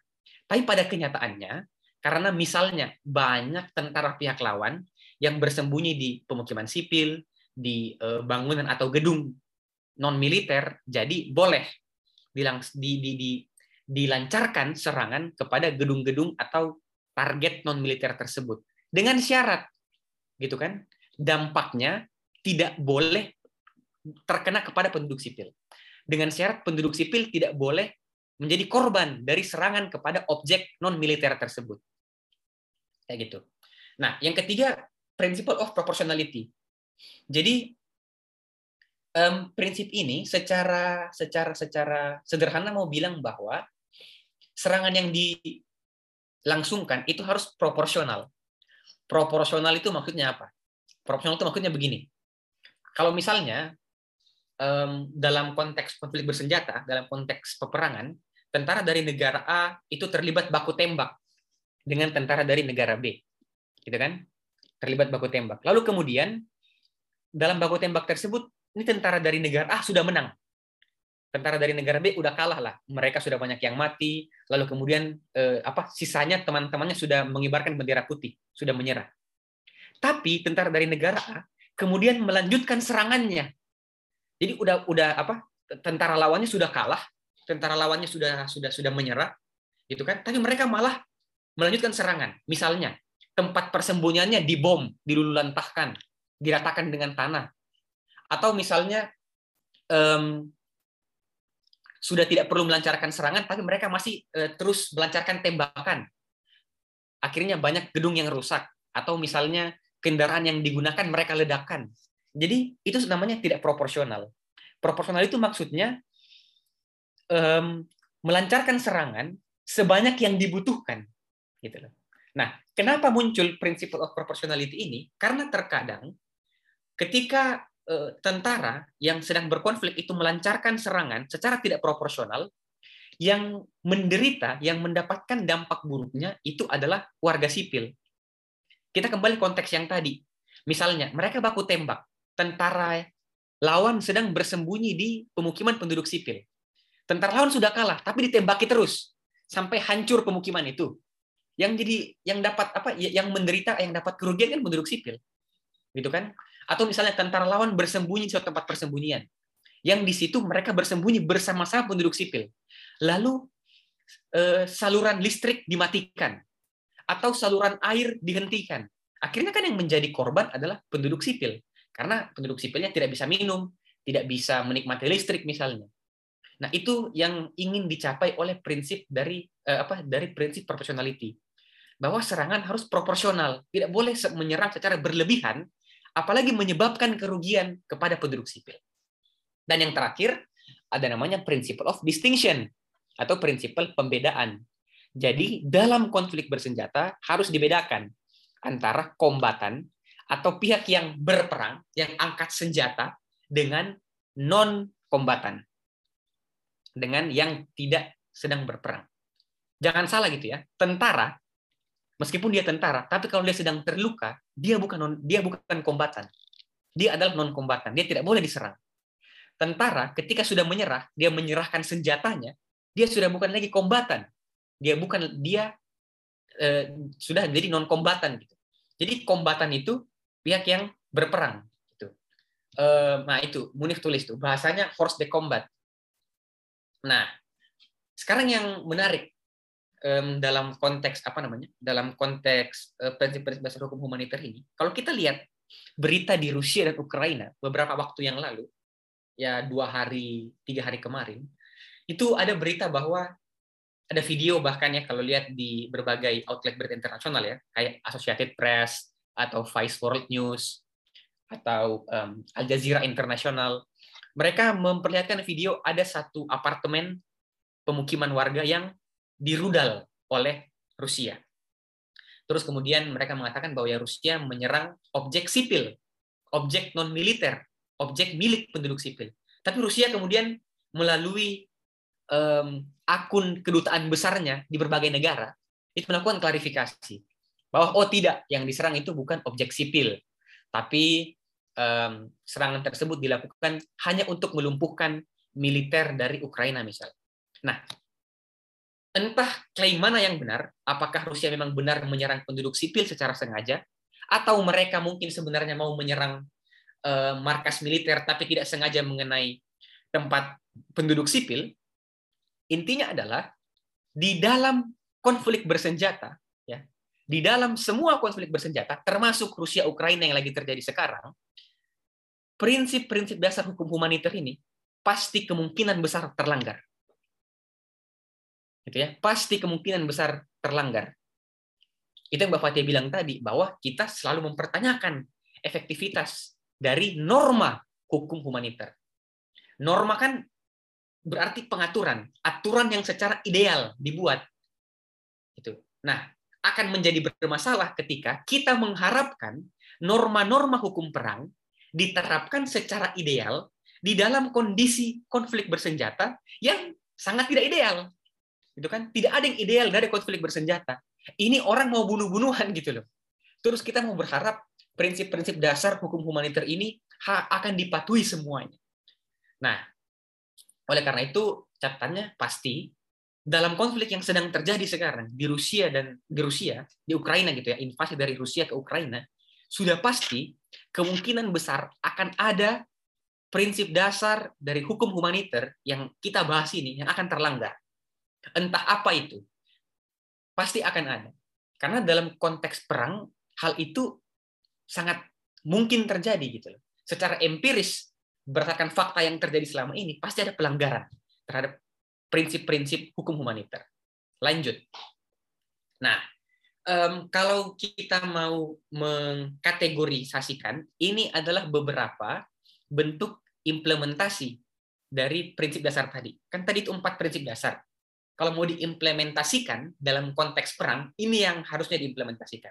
Satu, perang itu harus dideklar, harus dideklarasikan, harus ada pernyataan perang. Gitu kan? Tidak boleh perang itu diam-diam malam hari ketika semua warga dari negara tetangga yang mau diserang tertidur, terus kita lancarkan eh, serangan. Ah, nggak boleh kayak gitu. Kenapa? Karena begini, hukum humaniter itu tidak melarang negara melakukan perang, itu ya. Ini yang mungkin menurut saya patut kita pahami. Hukum humaniter itu tidak mau, tidak bermaksud melarang negara untuk berperang. Tapi secara sederhana yang mau diatur sama hukum humaniter, paling tidak kalau berperang bermartabat. Paling tidak perang itu dilangsungkan dengan martabat gitu loh.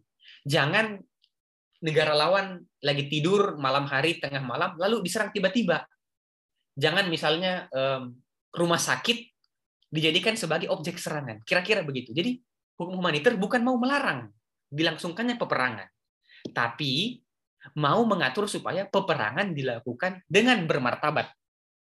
Yang kedua tentang perlindungan dan pemenuhan hak dari warga sipil. Ingat ya, yang diperangi adalah tentara, kombatan, bukan warga sipil. Jadi warga sipil tetap harus dilindungi dan dijamin pemenuhan dan perlindungan hak-haknya. Kalau belajar hak asasi manusia, ada istilah um, perlindungan, pemenuhan, dan penghormatan terhadap hak asasi manusia gitu. Itu harus dijamin gitu, meskipun dalam konteks perang. Tapi pada kenyataannya tentu ini hal yang selalu bermasalah kan. Yang ketiga, kombatan dan non-kombatan harus menggunakan pakaian yang berbeda. Nah, ini kita kembali ke principle of distinction tadi harus ada pembedaan antara kombatan dan non kombatan. Tawanan perang tidak boleh dibunuh, disiksa atau dianiaya. Jadi ketika sudah menyerah lalu ditawan, ya tidak boleh dibunuh, disiksa atau dianiaya. Itu berarti ya, kalau kita mau melihat konteks ini, eh, negara seperti Amerika Serikat ini sudah melakukan banyak pelanggaran terhadap konteks apa terhadap aturan-aturan hukum humaniter maupun hukum HAM internasional. Ketika misalnya mereka melakukan penyiksaan terhadap tawanan dari konflik yang terjadi di Irak dan Afghanistan di Guantanamo Bay, gitu kan? Um, tawanan tenaga medis, anggota Palang Merah Internasional dan relawan tidak boleh diserang, seperti yang tadi saya sudah jelaskan. Dan yang terakhir ini yang penting, rumah sakit, tempat ibadah, museum dan tempat bersejarah itu bukan sasaran militer, gitu ya. Jadi um, mungkin sedikit ini ya, sedikit kita uh, lihat konteks bukan konflik antara Rusia dan Ukraina, tapi misalnya konflik yang terjadi di Suriah. Ketika rumah sakit juga dijadikan sebagai sasaran militer, lalu kemudian mereka um, apa namanya uh, menyerang rumah sakit, gitu kan? Nah, dalam aturan hukum humaniter tentu itu tidak dapat dilakukan karena rumah sakit itu bukan sasaran militer.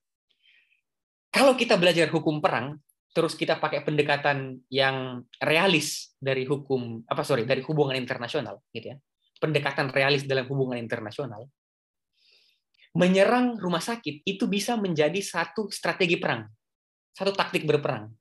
Karena dengan menyerang rumah sakit, misalnya akan melumpuhkan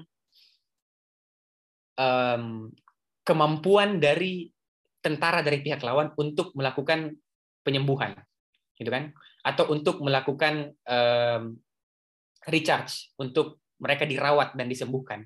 Jadi itu dapat dikategorikan mungkin sebagai salah satu strategi perang. Tapi dalam aturan hukum humaniternya itu tidak boleh dilakukan. Gitu. Karena tentu uh, sangat tidak uh, bermartabat. Nah ini ada pertanyaan. Kalau reaksi warga, warga sipil, kemudian ikut menyerang itu um, bagaimana? Nah, kira-kira begini ini warga sipil kan um, beberapa kemarin gitu ya kemarin kan pasti rame misalnya di Twitter atau di uh, eh, IG tentang warga sipil yang sudah pada bikin bom molotov untuk serang um, kendaraan militernya Rusia. Nah ini konteksnya bagaimana? Apakah um, warga sipil itu boleh diserang atau tidak? Dalam konteks seperti itu, kita kembali ke prinsip dari self defense. Si tentara yang diserang sama warga sipil bisa melakukan self defense pertahanan. Jadi sifatnya pasif. Bukan mereka secara aktif melawan atau nembaki warga sipil. Tapi ketika misalnya mereka diserang, itu kan ada principle of self defense. Mereka boleh melakukan pertahanan diri. Kira-kira begitu. Tapi ingat bahwa self defense yang dilakukan itu harus tunduk pada keempat prinsip tadi. Principle of proportionality, necessity, gitu kan, limitation dan um, distinction yang sebelumnya kita bahas. Gitu. Nah, sekarang kalau kita mau taruh itu dalam konteks perang yang sesungguhnya, tentu kan sangat sulit gitu itu untuk dijalankan, untuk dilaksanakan. Pasti saja akan ada warga sipil yang menjadi casualties atau menjadi korban. Lanjut, terakhir. Pertanyaannya sekarang adalah, bagaimana jika aturan-aturan tentang hukum humaniter tadi dilanggar? Nah, um, sudah sangat jelas ya buat teman-teman yang belajar hukum internasional gitu ya. Um, pelanggaran terhadap ketentuan dari empat konvensi Jenewa tadi gitu dapat dikategorikan sebagai kejahatan perang. War crimes yang kalau kita merujuk pada pasal 8 dari Statuta Roma adalah bagian dari most serious crimes. Gitu kan? Jadi pelanggaran terhadap ketentuan-ketentuan Konvensi Jenewa itu merupakan most serious crimes, dikategorikan sebagai war crimes, kejahatan perang, yang diatur di artikel 8 dari Rome Statute. Dari pasal 8 dari Statuta Roma. Artinya, pelaku dan komandannya dapat, tanda kutip, diadili oleh Mahkamah Pidana Internasional atau International Criminal Court atau melalui mekanisme hukum lain yang transparan dan imparsial. Jadi um, jika misalnya terdapat pelang, kalau kita bicara konteks yang ideal ini ya, katakanlah um, ini invasi Rusia ke Ukraina sudah selesai, lalu kemudian dilakukan investigasi dan ditemukan Rusia banyak melakukan pelanggaran terhadap Konvensi Jenewa, banyak melakukan kejahatan perang. Secara ideal, seharusnya Rusia dapat diadili oleh Mahkamah Pidana Internasional, baik pelakunya tentara yang berperang di lapangan maupun komandannya. Komandan ini berarti komandan militer maupun komandan sipil. Komandan sipil berarti hmm, Putin. Itu idealnya. Tapi pada kenyataannya adalah ah ya seperti itulah. Pada kenyataannya saya kira kalaupun memang ter, nanti akan ada temuan bahwa banyak kejahatan perang yang mungkin saja terjadi di Ukraina, kemungkinan untuk mengadili tentara Rusia di Mahkamah Pidana Internasional akan sangat kecil. Kenapa? Karena Rusia bukan negara anggota dari Statuta Roma. Itu yang pertama. Aturan kedua, negara yang bukan anggota Statuta Roma itu dapat diadili sebenarnya sama eh, ICC secara sederhana kalau ada persetujuan dari Dewan Keamanan PBB. Sementara Rusia ini adalah anggota tetap Dewan Keamanan PBB yang punya hak veto. Itu kan? Atau misalnya pakai mekanisme hukum lain, membuat um, pengadilan internasional khusus untuk Rusia. Tentu ini juga sangat tidak memungkinkan. Kenapa? Karena mekanisme seperti itu tentu dikeluarkan oleh Dewan Keamanan PBB. Yang mana Rusia di situ jadi anggota tetapnya yang punya hak veto gitu. Hak veto artinya mau 20 kan ada 20 anggota gitu ya dari Dewan Keamanan. Mau 19 setuju untuk mengadili Rusia, tapi kalau dia sendiri veto, ya nggak bakal bisa. Nah, ini yang Mbak Fatia bilang tadi, kita perlu mempertanyakan lagi kan mekanisme yang ada di PBB gitu. Sudah ada norma tentang hukum humaniter yang dibuat, sudah ada mekanisme untuk mengadili bagaimana kalau ada pelanggaran terhadap hukum humaniter itu, tapi hanya dengan hak veto misalnya dari satu negara anggota tetap jadi anggota tetap Dewan Keamanan kan ada lima, P5 ya, permanent members. Um, Rusia, Cina, Amerika, Prancis, dan United Kingdom. Dan Inggris. Satu aja veto, ya maka nggak bisa dilakukan. Uh, tidak bisa mekanisme hukum untuk mengadili itu dilaksanakan misalnya. Nah, ini yang tadi menurut saya juga penting untuk kita bersama-sama pahami. Bahwa terkadang kalau kita bicara konflik bersenjata, tidak ada jalan keluarnya. Gitu loh kita tahu bahwa mungkin banyak korban yang terjadi, eh, banyak korban yang berjatuhan, banyak kerugian yang terjadi, tapi ya tidak ada jalan keluar. Terkadang itu kenyataan yang harus kita hadapi ketika membicarakan tentang konflik bersenjata. Nah, mungkin bisa diakhiri um, apa share screen-nya. Sekarang um, mungkin ada tiga hal yang menurut saya cukup menarik ya untuk kita lihat dari konflik eh, bukan konflik sih invasi Rusia ke Ukraina. Yang pertama, kalau teman-teman perhatikan Rusia ini sebelumnya kan namanya Uni Soviet. Ya kan? Dan Uni Soviet adalah negara yang terlibat di Perang Dunia II. Lalu kemudian eh, ada perang dingin, Cold War dengan blok barat dan terlibat dengan berbagai invasi lagi di berbagai negara lain. Sebelum Uni Soviet, negara ini bernama Kekaisaran Rusia, dipimpin oleh Tsar dan mereka terlibat di Perang Dunia I. Yang mau di catatan kritis yang menurut saya dapat kita tarik bahwa sepanjang lini masanya, sepanjang timeline sejarah negara Rusia, dia dulu kekaisaran, terus berubah jadi Uni Soviet negara komunis, sampai jadi Federasi Rusia kayak sekarang, mereka selalu terlibat dalam baik itu peperangan atau invasi-invasi militer gitu. Jadi mungkin bisa dikatakan bahwa konflik bersenjata itu ada di DNA dari negara ini. Karena udah tiga kali nih ganti nama di sejarah eh, dunia modern dari Federasi Rusia yang ditumbangkan oleh ya 1917 um, revolusi Bolshevik berubah jadi negara komunis, ikut perang dunia dua, sekarang invasi lagi di mana-mana. Itu yang pertama. Yang kedua, kita mungkin bertanya, apa sebenarnya untungnya Rusia melakukan invasi? Bukankah invasi ini malah merugikan? Karena mereka akan keluarkan banyak anggaran, apalagi anggaran militer. Ya kan? Tapi menurut saya, kita tidak bisa melihat um, keinginan negara untuk melakukan konflik bersenjata, untuk terlibat dalam konflik bersenjata dari sudut pandang untung rugi. Karena ada ya ada dosen hubungan internasional gitu ya, namanya Hiskia Yosi dan saya setuju dengan pendapatnya. Dia bilang tuh gini, negara itu bekerja dengan logika yang berbeda. Dengan logika ekonomi misalnya, atau dengan logika kapitalisme misalnya, atau dengan logika untung rugi. Negara punya logika yang berbeda. Negara mau mempertahankan kedaulatan, negara misalnya mau mengembangkan um, yurisdiksi negaranya, negara misalnya mau menunjukkan kekuatan yang dia miliki di hadapan dunia internasional. Jadi negara bekerja dengan logika yang berbeda. Nah, dalam konteks Rusia Ukraina, ya kita nggak kita nggak ngerti gitu loh. Apa sebenarnya alasan utama dari Rusia menginvasi Ukraina? Apa alasan ekonomi atau menggunakan logika kedaulatan yang disinggung tadi atau ada alasan lain.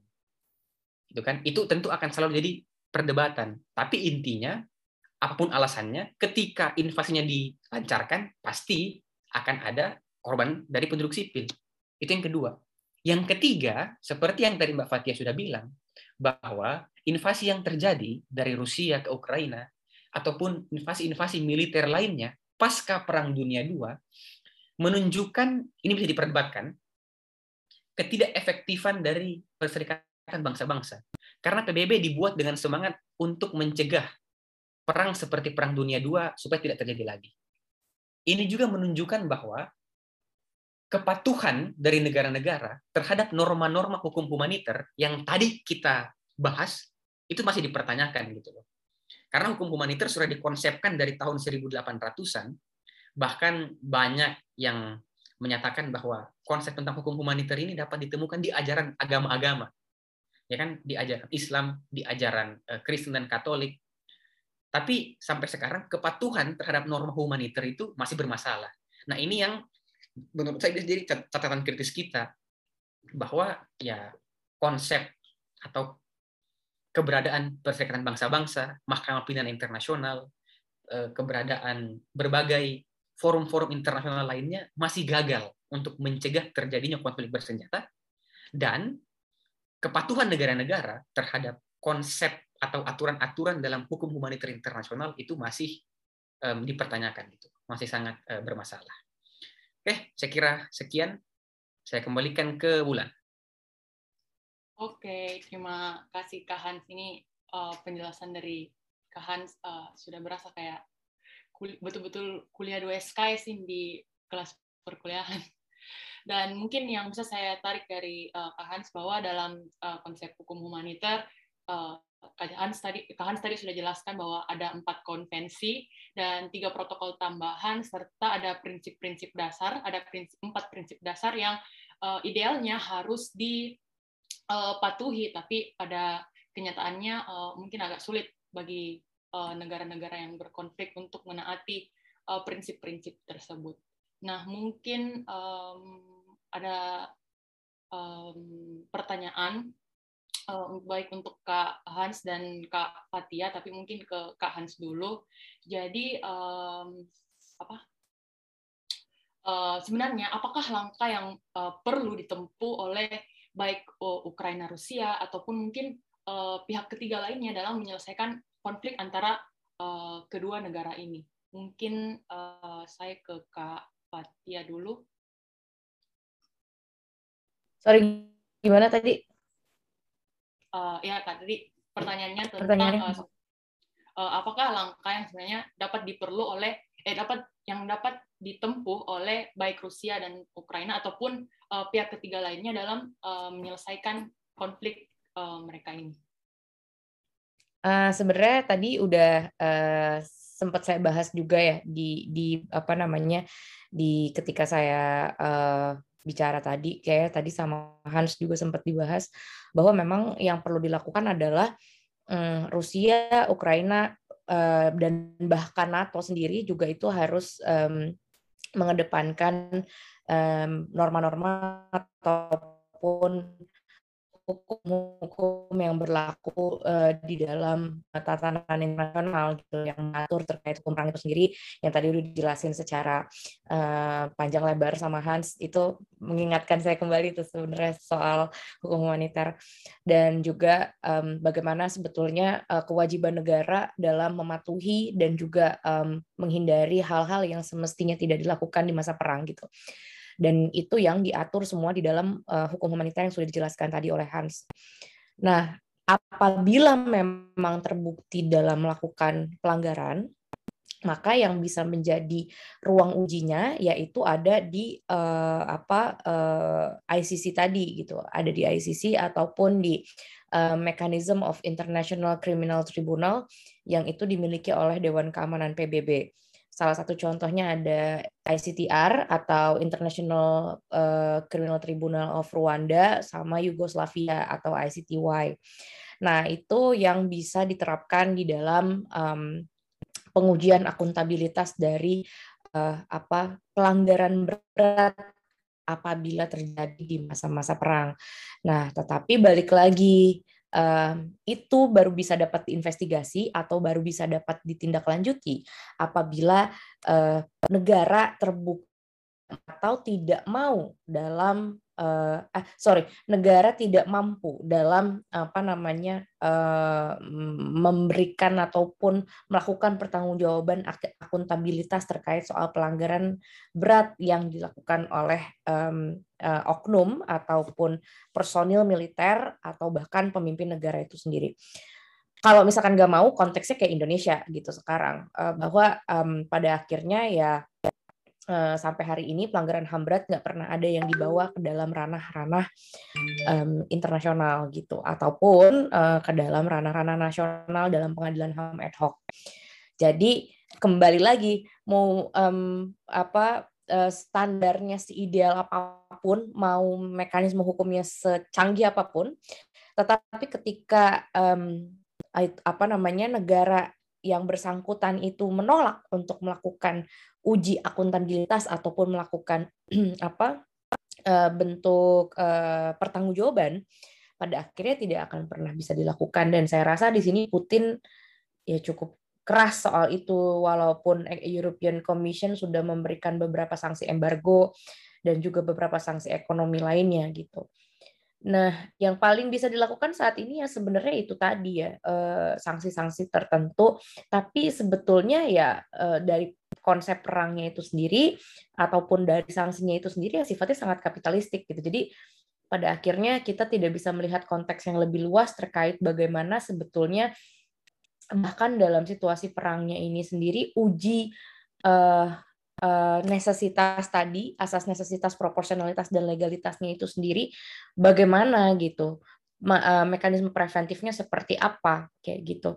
Jadi uh, menurut saya hari ini um, forum internasional seperti BP, PBB ataupun European uh, Commission atau EU atau apa pun itu yang punya mekanisme hukum sendiri ya yang sifatnya legally binding itu belum punya mekanisme yang cukup tegas yang dapat diberikan kepada negara-negara pihak uh, dalam konflik ini untuk bisa uh, meminimalisir risiko ataupun memberikan pertanggungjawaban ketika situasi konfliknya sudah selesai. Jadi yang mesti dilakukan justru adanya uji evaluasi dan juga um, apa pembenahan sistem di dalam PBB sendiri untuk meminimalisir uh, efek kerusakan ataupun dampak yang diberikan terhadap warga sipil ini sendiri. Jadi nggak melulu menangi negara gitu, tapi juga bagaimana dampak yang diberikan memang uh, kepada masyarakatnya itu sendiri gitu karena situasi perang. Karena hari ini kayaknya ya mau Dewan Keamanan sekuat apa pun punya resolusi secanggih apa pun, tapi kalau misalkan masih ada hak veto ya nggak ada artinya apa-apa apalagi sekarang uh, Rusia yang menempati posisi sebagai uh, ketua dari Dewan Keamanan PBB-nya itu sendiri gitu. Mungkin itu dulu ya. Oke, Kak Fatia. Mungkin Kak Hans ada tambahan sebelum ke sesi pertanyaan yang sepertinya di kolom chat sudah uh, banyak pertanyaannya. Saya kira tidak ada ya. Uh, betul sih menurut saya kalau ini kan sudah terlanjur terjadi nih uh, konflik bersenjatanya. Jadi seharusnya mekanisme yang bisa dipakai sama Rusia dan Ukraina adalah ya patuhi aturan-aturan hukum humaniter itu. Karena percuma norma itu dibuat, tapi kalau tidak dipatuhi. Nah, yang kedua, kan kita dengar ada misalnya upaya untuk melakukan mediasi antara dua negara ini. Rusia minta misalnya di uh, Belarusia, lalu Ukraina minta di saya lupa di mana. Nah, kalau memang ada cara seperti itu yang bisa dilakukan, maka mungkin pendekatan itu tentu lebih baik dibandingkan uh, pendekatan bersenjata kayak gitu. Nah, yang uh, menurut saya juga yang bisa digarisbawahi kan ini, Rusia beralasan bahwa kenapa mereka menyerang Ukraina salah satunya katanya karena Ukraina uh, menjadi pelaku dari crimes against humanity atau kejahatan terhadap kemanusiaan. Kalau memang gitu ya, itu benar terjadi, Rusia ya kan sebagai anggota tetap Dewan Keamanan seharusnya pakai pendekatan yang um, secara hukum internasional lebih dibenarkan yaitu lakukan investigasi itu kan authorized investigation terhadap dugaan crimes against humanity yang dilakukan sama um, Ukraina. Kalau memang benar ya bawa pelakunya untuk diadili adili pelakunya apakah di ICC atau di forum internasional lain atau dorong untuk um, di, di, di, di diadili melalui mekanisme hukum nasional misalnya nah yang jadi masalah ketika Rusia bilang oh kita mau menyerang mereka karena satu ada dugaan crimes against humanity di sana. Tapi yang kedua misalnya, ada dua wilayah yang mau merdekakan diri dan meminta bantuan dari kami untuk um, menyerang Ukraina. Tapi mereka tidak menggunakan cara-cara yang sebelumnya lebih dibenarkan, kayak yang tadi uh, Bapak Tia bilang gitu kan, apakah pakai mekanisme um, ICC atau forum pengadilan lainnya, atau kedepankan dulu upaya-upaya melalui uh, resolusi damai antara dua negara itu. Tapi Rusia langsung kayak menerobos dan lompat ke konflik bersenjata. Seakan-akan itu akan menjadi solusi dari masalah yang mereka kemukakan. Kalau toh memang benar um, dugaan itu uh, betul terjadi. Jadi saya kira karena sudah terlanjur terjadi, ya seharusnya patuhi norma hukum humaniter internasional yang ada dan kalau bisa adakan uh, mediasi untuk bagaimana caranya ada mekanisme yang dapat ditempuh selain konflik bersenjata. Kira-kira begitu. Oh, Oke, okay. terima kasih uh, Kak Hans. Karena uh, itu tadi dari Kak Hans dan Kak Fatia, mungkin kita langsung saja ke uh, sesi pertanyaan. Bagi teman-teman yang ingin bertanya, uh, bisa silahkan raise hand, dan ketika dipersilahkan bisa menyalakan kamera dan uh, bisa langsung bilang pertanyaannya apa. Tapi uh, karena kita dibatasi oleh waktu, jadi uh, mungkin satu orang uh, kalau bisa pertanyaannya uh, dua tidak banyak-banyak karena mungkin ada teman-teman yang lain juga yang mau bertanya. Uh, mungkin karena ada Joshua Satria Collins uh, bisa langsung pertanyaannya Joshua. Siap, uh, terima kasih kesempatannya. Saya mohon maaf dinyalain kamera karena sinyalnya takut goyang.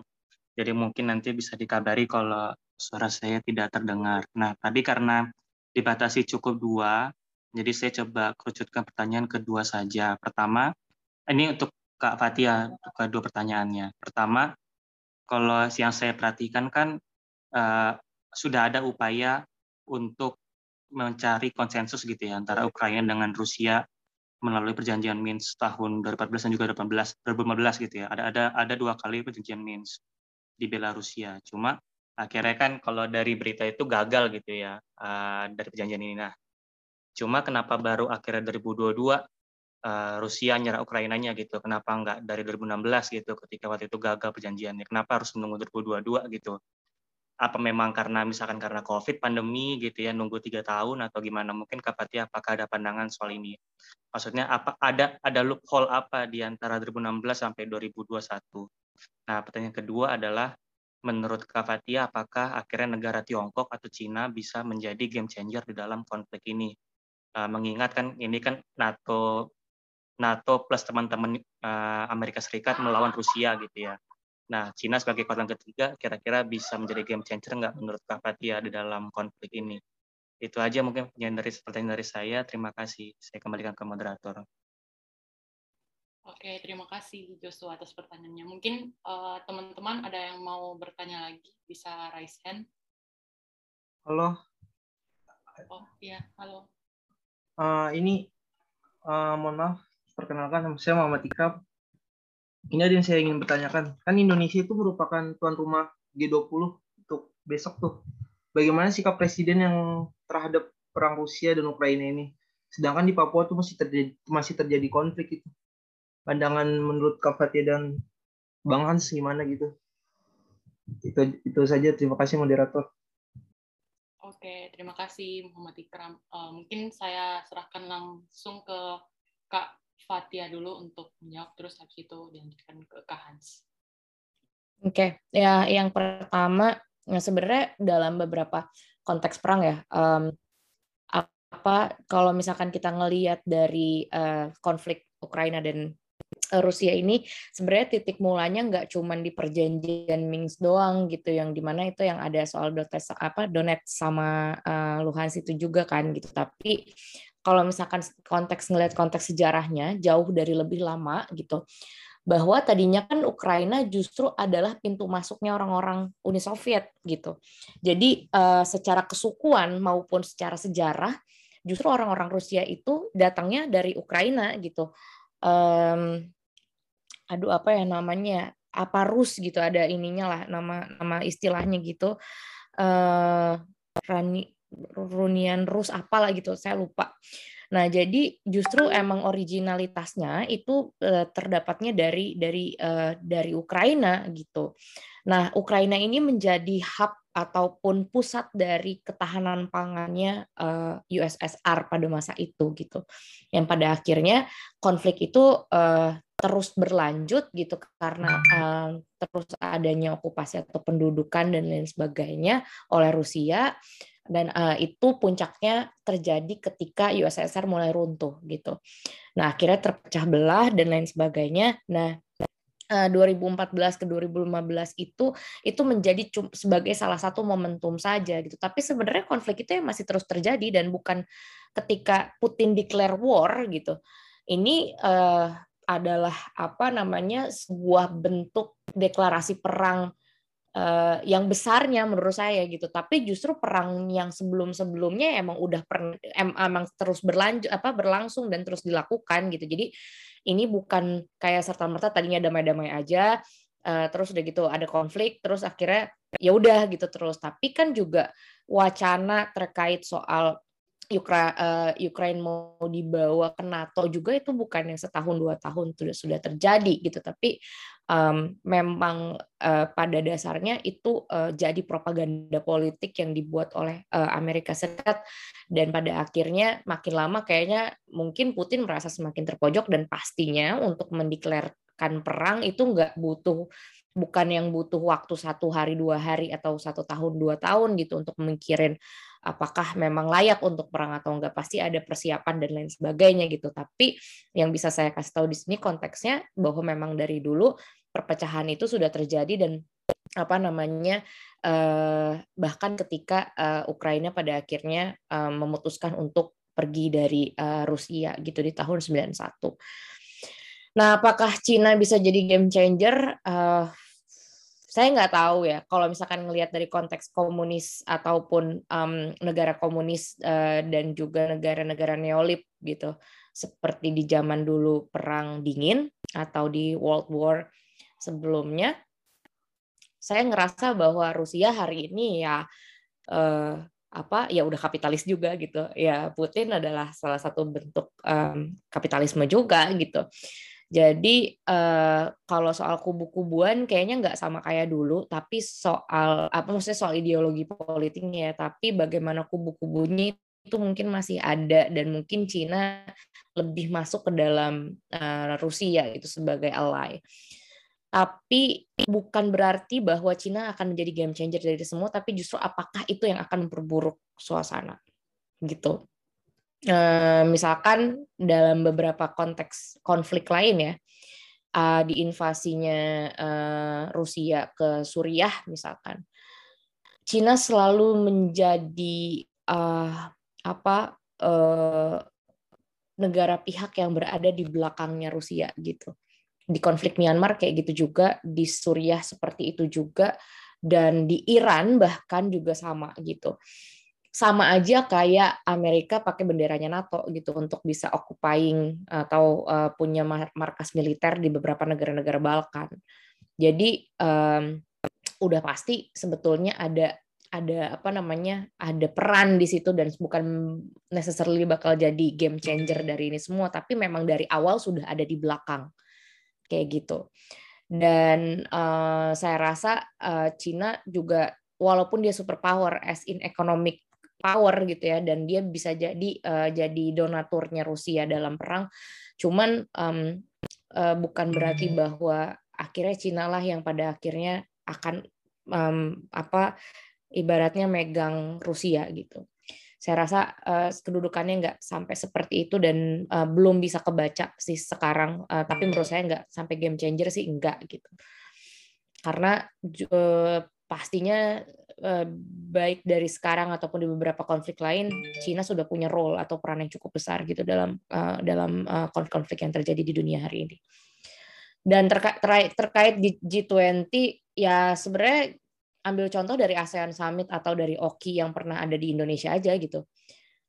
Uh, selama itu bisa menaikkan citra Indonesia, mau di uh, di Papua perang-perangan tembak-tembakan mau kayak apa pun itu, atau misalkan ada jenderal uh, penjahat HAM atau penjahat pelanggaran HAM berat yang terbukti di ICC itu diundang dan apa namanya tetap apa mau memperlihatkan Indonesia sebagai tuan rumah yang baik ya why not gitu atas nama diplomasi dan juga pencitraan Indonesia yang welcoming dan super uh, ramah dengan apa namanya uh, hal-hal semacam itu gitu.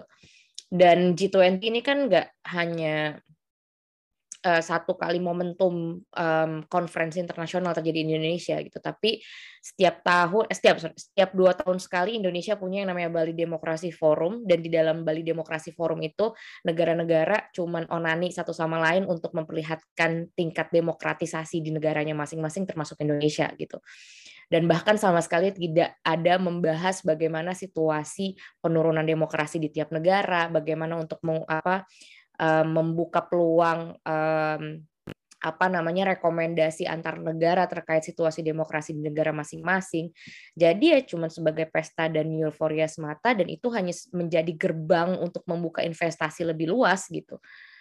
Uh, itulah bentuk kapitalisme paling kuat sebenarnya ya ketika negara misalkan berkonflik sangat besar punya uh, kerugian yang cukup besar tetapi ketika investasi masih tetap bisa dibuka dan ekonomi dan juga keuntungan sebesar-besarnya tetap bisa diraih ya pasti kejahatan-kejahatan semacam itu nggak menjadi penghalang bagi kapitalisme untuk bisa hmm, apa namanya uh, terus berlangsung gitu. Dan bahkan HAM itu kan selalu dianggap sebagai apa ya penghambat dari um, terbentuknya developmentalisme itu sendiri gitu. Karena dianggap menghambat beberapa unsur-unsur yang sebenarnya dapat memajukan ekonomi mas, uh, bangsa gitu. Tapi saya rasa mau perang kayak apa pun, mau uh, di Papua juga udah berdarah-darah kayak apa pun, kalau misalkan ini soal investasi dan cuan, Eh, dan juga pecahan negara udah pasti bakal tetap dijalanin. Apa pun yang terjadi mau angin ribut kayak apa juga tetap jalan.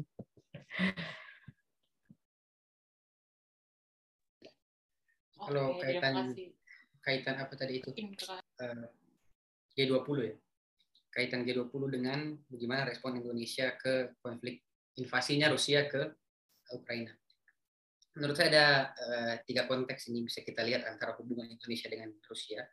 Pertama, dua-duanya itu anggota G20. Jadi Indonesia tuan rumah G20, Rusia juga itu anggota G20. Dan ya pasti mereka akan datang nanti ke G20 nanti di Indonesia. Yang kedua, eh, kerjasama antara Indonesia dan Rusia paling besar itu di sektor militer, khususnya angkatan udara. Karena di hmm, komando gabungan angkatan udara yang Indonesia punya, itu yang ada di sana sekarang mayoritas adalah pesawat Sukhoi. Itu kan pesawat Sukhoi eh, F-17 kalau tidak salah. Jadi kita punya relasi yang cukup dekat dengan Rusia, khususnya dalam konteks um, militer. Yang ketiga, ada namanya Euro-Asian Economic Union. Ini merupakan satu bentuk kerjasama ekonomi dari antara negara-negara Asia Tenggara, Asia Timur, dan Eropa bagian utara, termasuk Rusia dan Belarusia misalnya. Nah, dalam konteks itu kita lihat bahwa ya ada kerjasama yang cukup erat sebenarnya antara Indonesia dengan Rusia dari sektor ekonomi melalui G20 dan Euro-Asian Economic Union itu, dan yang kedua dari sektor militer. Kita masih dapat beli uh, pesawat Sukhoi misalnya dari um, Rusia. Nah, dalam konteks itu saya kira pemerintah Indonesia tidak mau menaruh hubungan relasi kerjasama antara Indonesia dengan Rusia di dalam satu resiko karena invasi yang dilakukan oleh Rusia ke Ukraina. Saya kasih contoh misalnya begini. Waktu itu ada orang Indonesia mau dihukum mati di Brasil. Apa yang Indonesia lakukan? Kita usir duta besarnya Brasil keluar dari Indonesia. Itu kan? Ya uniknya kita juga hukum mati warga negara negara lain. Kita hukum mati orang dari negara lain. Jadi kayak ketika itu berkaitan dengan kepentingan Indonesia, Indonesia pasti bertindak. Warga negara kita mau dihukum mati di negara lain, kita usir duta besar negara itu. Tapi kalau itu tidak ada kaitan langsung dengan kepentingan kita, ya kita most likely tidak mau bertindak. Yang terjadi misalnya di Ukraina, kan tidak ada kaitan langsung tuh antara um, invasi Rusia ke Ukraina dengan Indonesia misalnya. Mungkin ada trickle down effect-nya akan berpengaruh dengan misalnya produk yang diekspor dari Ukraina ke Indonesia sehingga mungkin akan sedikit menyebabkan gejolak di pasar modal. Tapi gejolak seperti itu kan tidak terlalu besar juga misalnya dampak. Jadi saya kira Indonesia tidak akan bertindak sampai misalnya akan memutus hubungan diplomatik dengan uh, Rusia atau mengusir duta besarnya Rusia keluar dari Indonesia. Beda konteksnya dengan konflik di Timur Tengah ketika misalnya Israel lancarkan terus serangan ke Palestina, sudah pasti pemerintah Indonesia bersuara. Karena kepentingan apa? Mungkin karena ya kita sama-sama negara dengan mayoritas penduduk Muslim dengan Palestina punya kedekatan sejarah atau historis yang cukup dekat, sehingga um, ada citra yang harus dipertahankan di sana. Kalau kita tidak bersuara untuk Palestina atau untuk negara Muslim lain ketika diserang, maka ada citra yang buruk yang akan rusak dari Indonesia, um, baik dari internal dari warga negara kepada pemerintah atau dengan organisasi negara Islam lainnya, dengan OKI misalnya. Tapi saya kira kalau konteksnya Rusia invasi Ukraina tidak ada dampak langsung seperti itu. Tidak ada misalnya dampak yang langsung memperburuk citra pemerintah Indonesia kalau Indonesia tidak um, memutus diplomatic ties-nya dengan um, Rusia atau akan memperburuk citra Indonesia dengan uh, Rusia misalnya. Justru sebaliknya, kalau mungkin Indonesia bertindak um, atau bersuara terlalu keras membela Ukraina melawan Rusia, bisa jadi um, ya tiga konteks hubungan diplomasi tadi yang sama-sama ada di G20, sama-sama ada di uh, Eurasian apa itu Economic Union atau kerjasama militernya malah bisa terputus. Jadi saya kira pendekatannya kayak begitu. Oke, terima kasih Kak Fatia dan Kak Hans. Mungkin um, ada satu pertanyaan lagi. Ya tadi ada teman-teman Intersium yang mau bertanya.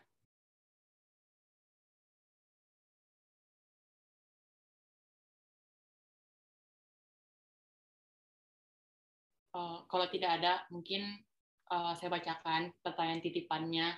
Jadi untuk Kak Hans dan Kak Fatia, Uh, jadi pertanyaannya itu kalau di ICCPR dikenal konsep non-delegible rights, uh, yang kalau pecah konflik bersenjata tidak bisa dikurangi dalam keadaan apa pun. Nah, kira-kira apakah hak ECOSOC masih dijamin selama perang berlangsung? Soalnya non-delegible non-delegible rights tidak dikenal dalam ICEC eh ICE ah pokoknya konvensi hak ECOSOC itu. yang mungkin I'm on it. Simple. Kan saya kayaknya simple. I didn't get that. Could you try again? Kayak kalau saya simpel saja begini nah, maksudnya kayak hak untuk hidup saja terlanggar atau orang mati ini perang ini mati ini bagaimana memikirkan uh, hak yang lain itu kan jadi kayak contoh uh, dalam perang sudah pasti um, civil and political rights uh, akan terganggu ya dalam konteks perang yang berkepanjangan orang tidak bisa melakukan pemilihan umum gitu kan dalam konteks yang berkepanjangan uh, orang tentu kebebasan untuk berkumpul dan berserikat akan dibatasi. Karena martial law yaitu pasti akan memperlakukan jam malam, akan membatasi orang berkerumun supaya misalnya tidak gampang diserang dan lain sebagainya. Jadi pasti ada pembatasan hak dalam um, konflik bersenjata. Itu satu. Nah, yang kedua uh, kalau tentang non derogable rights ya hak untuk hidup saja. Mungkin terlanggar. Banyak orang yang lagi duduk-duduk mungkin di rumahnya rumahnya dibom mati dia atau misalnya tawanan perang yang kemudian menjadi korban penyiksaan penyiksaan itu kan non derogable rights ya jadi um, saya kira bahkan non-derogable rights seperti hak untuk tidak disiksa, bahkan yang paling mendasar hak untuk hidup bisa terlanggar. Yang ketiga, terkait dengan ekosop. Teorinya, ekosop itu kan ya membutuhkan peran serta atau peran um, dari negara untuk mewujudkannya. Itu berkaitan dengan perekonomian dan keuangan negara misalnya. Dalam konteks perang, sudah pasti keuangan dan perekonomian negara akan difokuskan untuk membiayai perang. Kita lihat apa yang terjadi di uh, Perang Dunia Kedua, ketika kayak Amerika Serikat dan uh, Inggris itu mengguyurkan dana yang sangat besar untuk membiayai uh, perang melawan Nazi. Sehingga di Amerika Serikat ada istilah um, depression, economic depression setelah Perang Dunia Kedua. Ini kan membuktikan bahwa kas negara menjadi terganggu karena difokuskan untuk perang. Jadi sudah pasti pemenuhan ekosop, hak ekosop akan uh, bermasalah. Nah, idealnya tentu kita mau supaya bahkan pemenuhan terhadap economic rights tetap dipertahankan atau misalnya social and cultural rights tetap dijamin oleh negara. Tapi dalam konteks perang seperti yang saya bilang tadi, pada kenyataannya secara apa namanya secara uh, empiris kita lihat bahwa itu tidak dapat dilakukan gitu kan. Atau negara yang ada konflik berkepanjangan macam Suriah, Irak dan Afghanistan. Bahkan konsep-konsep hak ekosop yang mendasar kayak hak atas pendidikan itu kan tidak dapat terpenuhi di sana. Atau misalnya yang lebih luas lah hak untuk uh, akses terhadap lingkungan hidup yang sehat tidak bisa mereka dapatkan gitu kan. Jadi sudah pasti akan ada gangguan dengan um, baik itu civil and political rights-nya atau uh, hak di sektor ekonomi sosial dan budaya uh, ada tambahan mungkin dari Kak Fatia? Ya sebenarnya kan kalau dalam prinsip Sirakusa uh, ketika dalam kondisi perang itulah ketika uh, apa namanya masyarakat itu mengalami pembatasan-pembatasan uh, tertentu ya atau derogable rights gitu. Yang kebanyakan derogable rights itu uh, diperoleh dari uh, ICSCR itu atau uh, uh, Kovenan Hak Ekonomi Sosial dan Budaya. Tapi bukan berarti bahwa negara tidak memberikan atau tidak memprovide gitu, tapi memang bisa dibatasi. Nah, eh, tadi yang udah dijelasin sama Han sebenarnya udah cukup eh, jelas gitu bahwa memang eh, ketika dalam konteks HAM-nya itu sendiri kan kalau di dalam ICCPR itu sifatnya serta merta ya atau mutlak dan kebanyakan itu tidak bisa dibatasi gitu seperti hak hidup tidak disiksa dan lain sebagainya uh, kebanyakan non derogable rights itu berasal dari uh, eh, ICCPR gitu. Karena sifatnya yang negatif atau uh, itu baru harus dipenuhi ketika terbukti terlanggar oleh negara dan sifatnya serta merta atau mutlak jadi kayak ya dari sananya aja udah ada gitu. Nah, berbeda dengan ICSCR yang sifatnya progressive realization uh, sifatnya positif bisa terus berkembang uh, baru bisa hadir misalkan ketika sesuai dengan kebutuhan masyarakat dan lain sebagainya. Nah, jadi ketika dalam masa perang atau dalam masa konflik kebanyakan pasti ya orang akan sulit gitu untuk mendapatkan uh, apa namanya tempat tinggal yang layak, pendidikan, hak untuk berkeluarga, pemilihan umum dan sebagainya gitu. Jadi emang tidak bisa dipaksakan, tetapi ada aturan-aturan yang harus diterapkan oleh uh, pemerintah dan itu nggak langsung sekonyong-konyong aja gitu pemerintah bisa memberikan pembatasan itu tetapi pemerintah harus memberikan kayak early notice ataupun notifikasi terhadap uh, eh, PBB ke, ke Dewan HAM gitu ya terkait soal pembatasan-pembatasan tersebut karena situasi force major tertentu gitu. Jadi si prinsip Sirakusa ini nggak hanya ngebatasin doang gitu sebenarnya tetapi ada aturan-aturan yang perlu diterapkan oleh negara di dalam um, masa konflik ataupun bencana alam biasanya kayak gitu. Gitu sih. Oke, terima kasih Kak uh, Hans dan Kak Fatia. Nah, mungkin uh, sebelum ditutup ada closing statement mungkin dari Kak Hans dan Kak Fatia. Mungkin ke Kak Fatia dulu. Apa ya? Uh, ada sih sebenarnya. Intinya uh, so, kalau saya sih percaya bahwa perang yang terjadi hari ini ataupun bagaimana norma-norma yang tadi sudah dijelaskan oleh Hans secara panjang lebar gitu. Itu adalah bentuk yang paling ideal, tetapi kerap kali karena memang negara yang membuat dan juga dibuat oleh negara-negara barat dan khususnya negara-negara yang terlibat dalam perang dingin ataupun perang dunia yang pada akhirnya mereka sendirilah yang pada akhirnya tahu gitu soal titik lemah untuk melanggar norma-norma yang berlaku itu tadi gitu.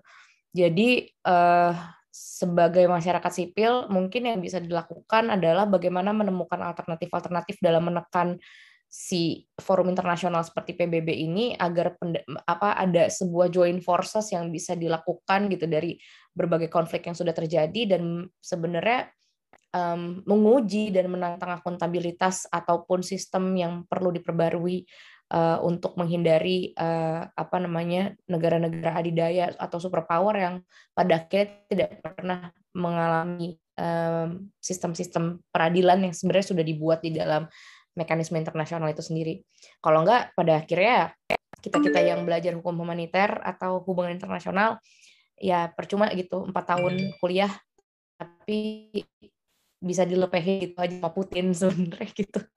Jadi uh, apa namanya um, yang yang perlu dikuatkan adalah mungkin people power-nya, tapi juga untuk menguji terkait soal sistem internasional yang ternyata memang cukup lemah dalam mengatur negara dalam uh, apa situasi perang semacam ini. Uh, dari Kak Hans, mungkin closing statement-nya. Kalau saya, aduh, mungkin kalau konteksnya apa ya, hukum humaniter internasional, jangan percayalah sama negara. Itu kan karena pasti mereka melanggar. Jadi iya kita kita belajar hukum humaniter kan, tapi berdasarkan apa yang sudah kita lihat ya kalau dalam konteks humaniter ya jangan percaya negara karena pasti mereka langgar.